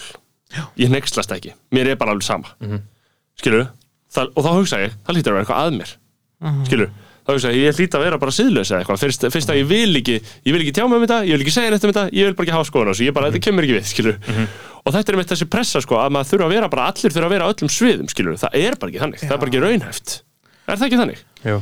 á. Mér finnst það og líka bara þessi endalösa sko krafa sem við gerum á okkur sjálf um að, að, að, að, að vera alltaf einhvern veginn svona þessi endalösa besta útgáfana sjálfum okkur og eitthvað svona, mér finnst þetta bara bull og villisa, mér finnst þetta bara En, en þetta er sko að þú veist að segja sko að eh, krakkarnir uh, vilja gera eitthvað og svona það er náttúrulega mismunandi eftir sko listformum og tjáningarformum Já, já. hvað hva menn vilja gera og, og hversu vel hægt er að gera eins og þú tekur 30 krakka í dag og spurðu hvað vilja gera, það vilja alltaf vera youtuberar skilur, það Einmitt. er al því það er mjög auðvelt aðgengi að því Já. og síðan er að fyndið sko Mér finnst það bókstæðlega eitthvað sorglega sem ég hef heyrt á aðeins Já, minni, það því- er koncept, þetta YouTube er að kreif Já. Að, að, að, og, og- og þessi tvö form sko, að vera youtuber eða tiktokari eða tónlistamæður uh, það er kyrt áfram á einhvern veginn annari orku. Ég ætla ekki að smætta að segja þessi minni þekking í það, en til dæmis þú ert ekkert átján ára og skrifur leikstýri bíómynd. Það, það, það, það, það, það, er, það er ekki að fara að gerast skilur. það bara er aldrei að fara að gerast. Þú þarft að vera allavega þrítur kannski 25 eitthvað þá, ertu svona undrabann skilur uh, allt þetta þessi form fyrir krakkana e- þau eru svo aðgengli, meina besta rapplata allra tíma, Ilmatic eftir Nas hann kom út ára 94 og hann var tvítur, Einmitt. allt, öll besta rapptónlistin hefur alltaf verið gert af gaurum sem eru 20 ára. Nei, 100% og svona allt YouTube-dótið það er allt gert af krökkum sem eru 20 ára 20 og eitthvað. Uh, og ég held einmitt sko að uh, þaðan kom þessi pressa sko. Af því að þetta eru mest svona ríkjandi tónlistaformin, all, allar vinsarstu popstjörnar þetta er keirt áform á æsku Já, og fegurð og bara svona Blóma. Já, bara svona a- allu því góða í lífinu já. skilurðu. Uh, En samt sko er einhver samt undirtótaðna Mhm. skilur fyrir eitthvað sem við hlustum á eða skilur fyrir Mhm. okkur bara hvert sem er skilur bara það sem við hlustum á og greinum til dæmis eins og hvað er einstaklingurinn að segja með því að framkvæma öll þessi ósköp skilur Mhm. bara og, og, og, og, og ég meina ef einstaklingurinn finnur sig sko innstinni til dæmis að, að opna sig á þennan hátt og semja tónlist og, og, og, og, og mynda einhverja skona heild fyrir okkur að hlýða á það er stórkostlegt en hann verður líka þá að hafa eitthvað að segja. Skilur, hann þarf að vita hvað hann vill. Já. og skilur, án þess að vita bara svona þetta Já, er já. markmiði, skilur, auðvitað Ekki gera þetta bara til að gera þetta Já, En, en þetta er eins og svo ég takki NAS aftur sem dæmi. Einmitt. gefur út uh, Ilmatic hérna, 94 sem er talin vera bara besta rapplata allra tíma. Þú hefur hlusta á hana, miljón sinnum, ótal sinnum. Hún er stórkostlega hún er bara guðdómleg. Uh, og ég með þess að hlusta á hana í Queensbridge uh, sem er æsku uh, hverfi NAS. Fór þangað í bílgrunnsferð sko, hlusta á hann í Airpodsinum það Já. var- það var magnað. Uh, og hann talaði um síðan gefur hún út aðra plötu sína á 1996 þá var hann orðin frægur út af plötunni. Og þá er hann þá er komin pressa. Og þá breytist allt. Því hann talaði um ég var, hafði, ég hafði 20 ár til að gera fyrstu plötuna og síðan hafði ég 1 ár til að gera hinna mm Mhm. skilur það er allt annað. Það er allt annað. Það er allt annað þú veist, fólk þarf að leifa þessu kannski að uh, marinerast. Eða ég veit ekki hvað. en hvaðan kemur pressan, finnur hann fyrir henni? Já, hann finnur örglega bara engungu fyrir henni? Örgla bara hann. En, en það er líka þannig sérstaklega tónlist í dag þú veist, uh, plata sem er orðin hálsáls er orðin gömul. Gerist allt mér hratt. Þetta gerist rosalega hratt sko. en þarna kemur við samt að einhverju svona kjarnamálsins að vera skilur einn af þeim skilur eins og til dæmis bara í listheiminum að, að skilur þú þarft ekki að vera konstant að. Listamenn er stjætt sem byggist á fjölbreytni Já, á innihaldi og, og framvindu og svo framvegis. Og ég er ekki að segja að það er ekki að vera fastur af fólki í leikhúsum eða eitthvað, skilur, það er bara frábært skilur, það þarf að gera þetta. Uh, en ég á við skilur að vera svona sjálfstæður listamaður og gefa út svona plötu eins og nas og svo framvegis að þarna uh, einstaklingurinn á að finna það hjá sér að, að sko þó að hann verði, skilur, þó að það líði 20 ára á milli og það var bara þessi eina plata, þá byrjum við að gaggrina að þetta hafi bara verið one hit wonder og hann gaf aldrei út neitt meir eða eitthvað svona skilur, sittum við einhver svona ómælanlega pressu á einstaklingin Já. og þar, kem, þar kemur sko styrkur personunar í, í ljós já, skilur út af því að við getum ekki sett svona kröfu á fólk. Nei. Skilur, þetta, þó hann gefi út bara eina plötu þá var það bara mikil gjöf fyrir heiminn að eiga þetta þó að lít ég á, Já, skilur, ég- eða skilur já. að þetta er er allt spurningum að fjölda framleiða snillingana og, og þeir þurfa að vera ódöðlegir og gefa út allt einhver ári hverju og bara vera alltaf til sínis og svona, þetta þarf líka bara skilur, svona form þurfa líka bara að eiga hvað sem það er eitt líf eða mörg. Og þessi mörg mega sko koma á, á sko áratögum fyrir mér. Já Já, já, já, akkurat. Eða Og- skilurðu? Já, já, allir, og ef þetta er vel gert líka? Allir Lagsnes hafi ekki gefið út bók svona meðaltal á 5 ára fresti eða eitthvað? Njá, hann var nú að meira tempo í þessu á sínum tíma á ákvæmum tíum punktum sko En hann sá svo mikið. Já, ég meina þú veist, ég held að Salka Valka þetta er svo hvað, 36 og svo bara þú veist, ég þetta er svona þryggja ára örgulega, þryggja ára fresti og svo gaf hann líka út bindi menn sjálfstætt fólk og heimslu Já, svo já, nokkur þetta var bindum skilu, já. þá var það bara ás fresti sko en uh, og hann náttúrulega gera ekkit annað en að skrifa. En ég er samanlega því að fólk er mjög vondið snillinga og ef einhver gerir eitthvað gott þá er það oft hans bölvun sko, þú veist, bara að vera fastu með það að hafa gert eitthvað gott og svo bara hata allir allt sem annað sem hann gerir og eitthvað svona sko. Það er mjög leiðilegt uh, hvað uh, Íslandingar, þá erum við að tala um slúðrið og tala um baktalið, já, hvað fólk er leiðilegt skilur rosalega fólk er dómhart, við erum bara dómar í öðru fólk er ógeðslega bara mikið hatur í þeim svona off-record spjall um eitthvað bara um hvað sem er, tónlistamenn eða bíómyndir eða eitthvað bara skilur? skoðanir á Já. fjölmiðlum eða skilur, skilur eitthvað í Já. viðskiptafræði heiminum, eitthvað, Já. bara hvað sem er Já. fólk er fólk er að benda einum út þrjá sig sko. Já, já. Já. Það veist. Þetta er rosa mikið þar Já. og við finnum fyrir þessari pressu Mhm. að þurfa að gera þetta og mynda okkur skoðanir á öllum, ó, bara Mhm. öllum anskotan segi ég sko. Við þurfum að skilja perur gegn því og hætta því um, Sko, við erum búin að vera hérna að Já. inn, um nokkurt skeið núna við erum að klára tímaninn hjá okkur uh, Nili, Erum við að hvað- gleyma einhverju? hvar- hvern- hvernig séu framtíðina fyrir þér? hvað langar til að gera? hvað er draumurinn? draumurinn, Já, sko draumurinn eins og staðin er núna, mér langar að sjá heiminn sko já, það er bara að segja skilurist laust sko. Já, að ég fór til Vínaborgar í sumar. Nice. Strákar, ég átti ekki til orð. Þetta var pílagrímsferð sko. Já, algjör og hvað? þetta Fórstu í gam óperuna og svona? Mozart þaðan? eða? nei, hann er frá Salzburg. Salzburg, og Beethoven bjóð þarna síðustu fjör, 40 árin sín. Nice. Eh, og grafinn þarna, hann er samt bonnari sko. Uh, það er Östu Þískaland eða eitthvað is en þarna ég fór til Vínar og uh, það sem mér fannst alveg geðvegt að upplega var uh, það að hvernig ég hafði séð hana fyrir mér bara reyndist ekki rétt.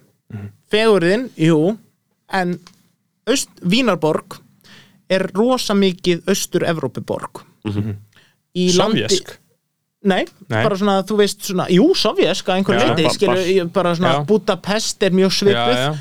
Uh, Bratislava er þarna við hliðina og svo framvegis. Og sko síðan höfum við Vestur Östuríki sem er þarna Vorarlberg og, og Tyrol og Salzburg og allt þetta stöf.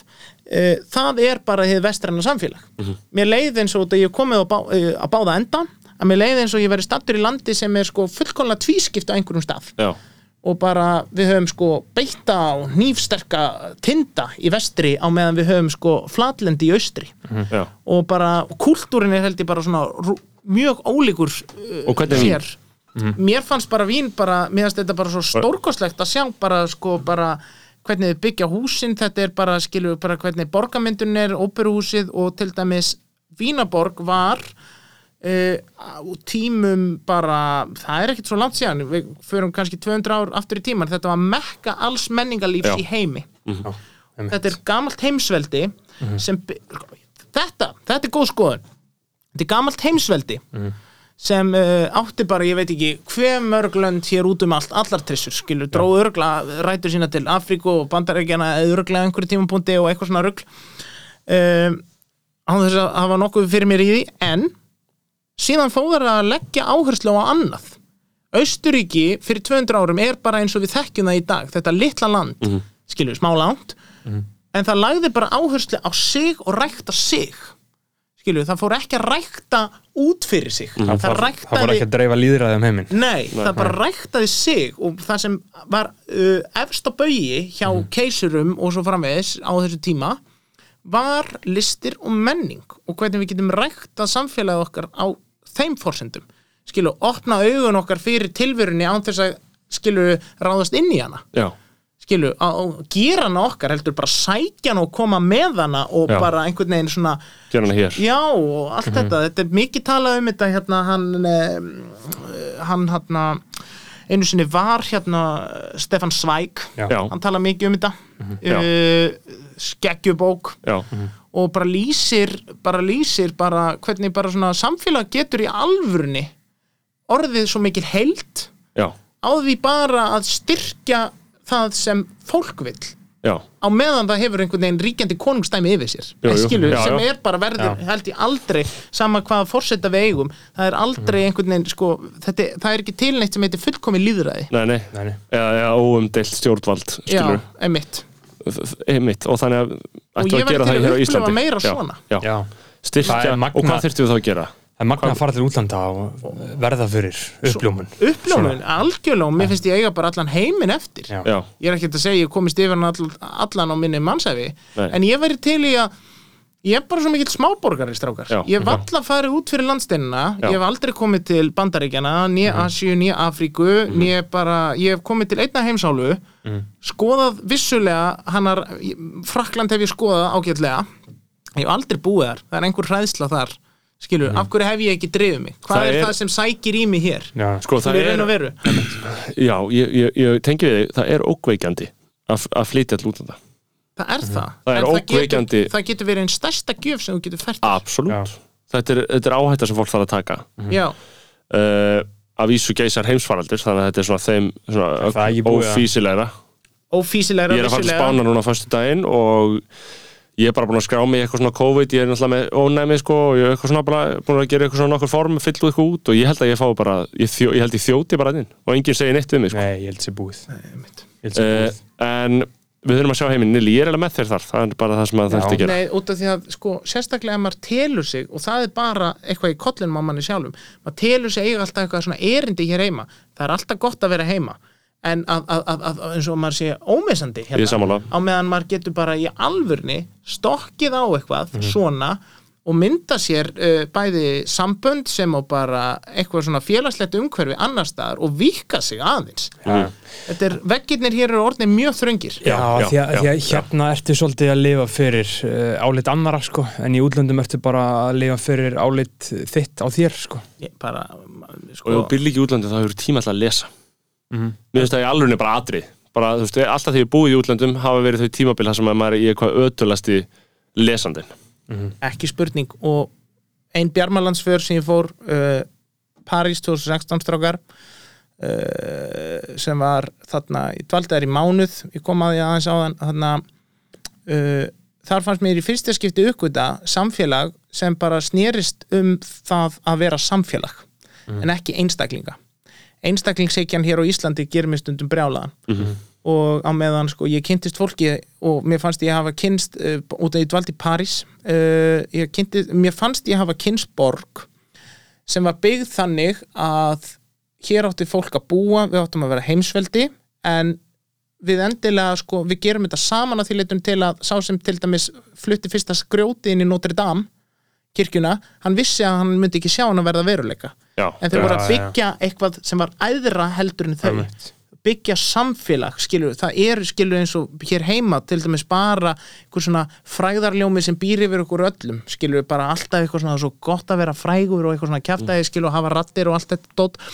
Uh, sko bara skiptingarnar þarna skilur í einhverju svona rótgrónu samfélagi skilur, ef þú ert útvarsmaður þá ertu útvarsmaður, ert lögfræðingur, þá ertu lögfræðingur. Eða skilur, þetta Já, er ekkit eitthvað svona allir út um allt, skilur, Já, já. fólk fókuserar fólk Já. getur lesið. Já, og einu sinni um og það sem einfaldar þetta náttúrulega allt eru bara samgöngunar skilur þú Já. getur tekið fjóra tíma og þú er komin til Belgíu. Þískalands eða eitthvað einmitt. En Easy. þetta fannst mér svona einn stærsta uppljómun sem ég var fyrir bara á síðustu síðustu árum sko. Já, Notre Dame. Nei, bara að sjá samfélag sem er Já. svona skilur, Já. ekki þess að einstaklingshyggju samfélag. Er viðbjöður sem við lifum í, Já. við erum algjör einstaklingar. Ég ég hugsa bara sjálf mig Ég ber ekki ábyrð á neinunum með sjálf mér. Nei, einmitt, svona segi ég. Uh, Nili, Erum við byrjum að ná utan um þetta? Nili, það var mjög ánægilegt að fá þig. Raunverulega ánægilegt, takk Og kjærlega við erum búin að fara í stórumálin Já. Er það ekki? Stóru og góðu málin. Já, við, ég, ég ætla nefnilega að ljúka þættinum á sko á fyrir hana. Eindislegt, Já. Það er svolítið gott. Uh, Ég hef alltaf sagt en öll Takk fyrir að koma, Lili. strákar, ástar þakki fyrir að fá mig, það er mjög gaman. Sín en allt sem hún vil sjá. Á. Við hennar hlið í gegnum súrt og sætt Aldrei gefist upp, gefið eftir eða hæ. Og það stendur ekki til er svo eina sem ég vil Vil, vil, vil, vil. Oh. Ef hún stekkur, stekk ég líka. Og ef hún hrasar, ég reyni hann að grípa Ég geri hvað sem er. Og fyrir hvert, fyrir hvað, fyrir hana, fyrir það sem að var Og er og verður. Og verður. Fyrir hvert, fyrir hvað, fyrir hana, fyrir það sem að var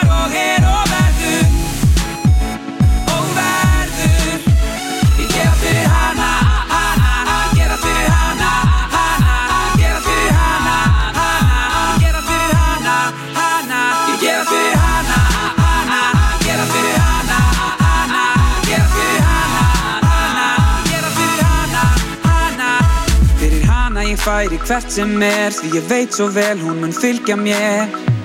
Hvert sem í heiminum ég fer. Hún gefur mér svo mikið, meira en allt annað. Ég vona að hún vita að hún þarf ekkert að sanna. Fyrir mér, fyrir mér Fyrir mér hún þarf ekki að sanna neitt. Það er engin ekkert og ekki neitt Sem að gæti fengið nokkru breytt Og ef hún stekkur, stekk ég líka. Og ef hún hrasar, ég reyni hann að grípa Ég geri hvað sem er. Og fyrir hvert, fyrir hvað, fyrir hana, fyrir það sem að var. Og er og verður. Og verður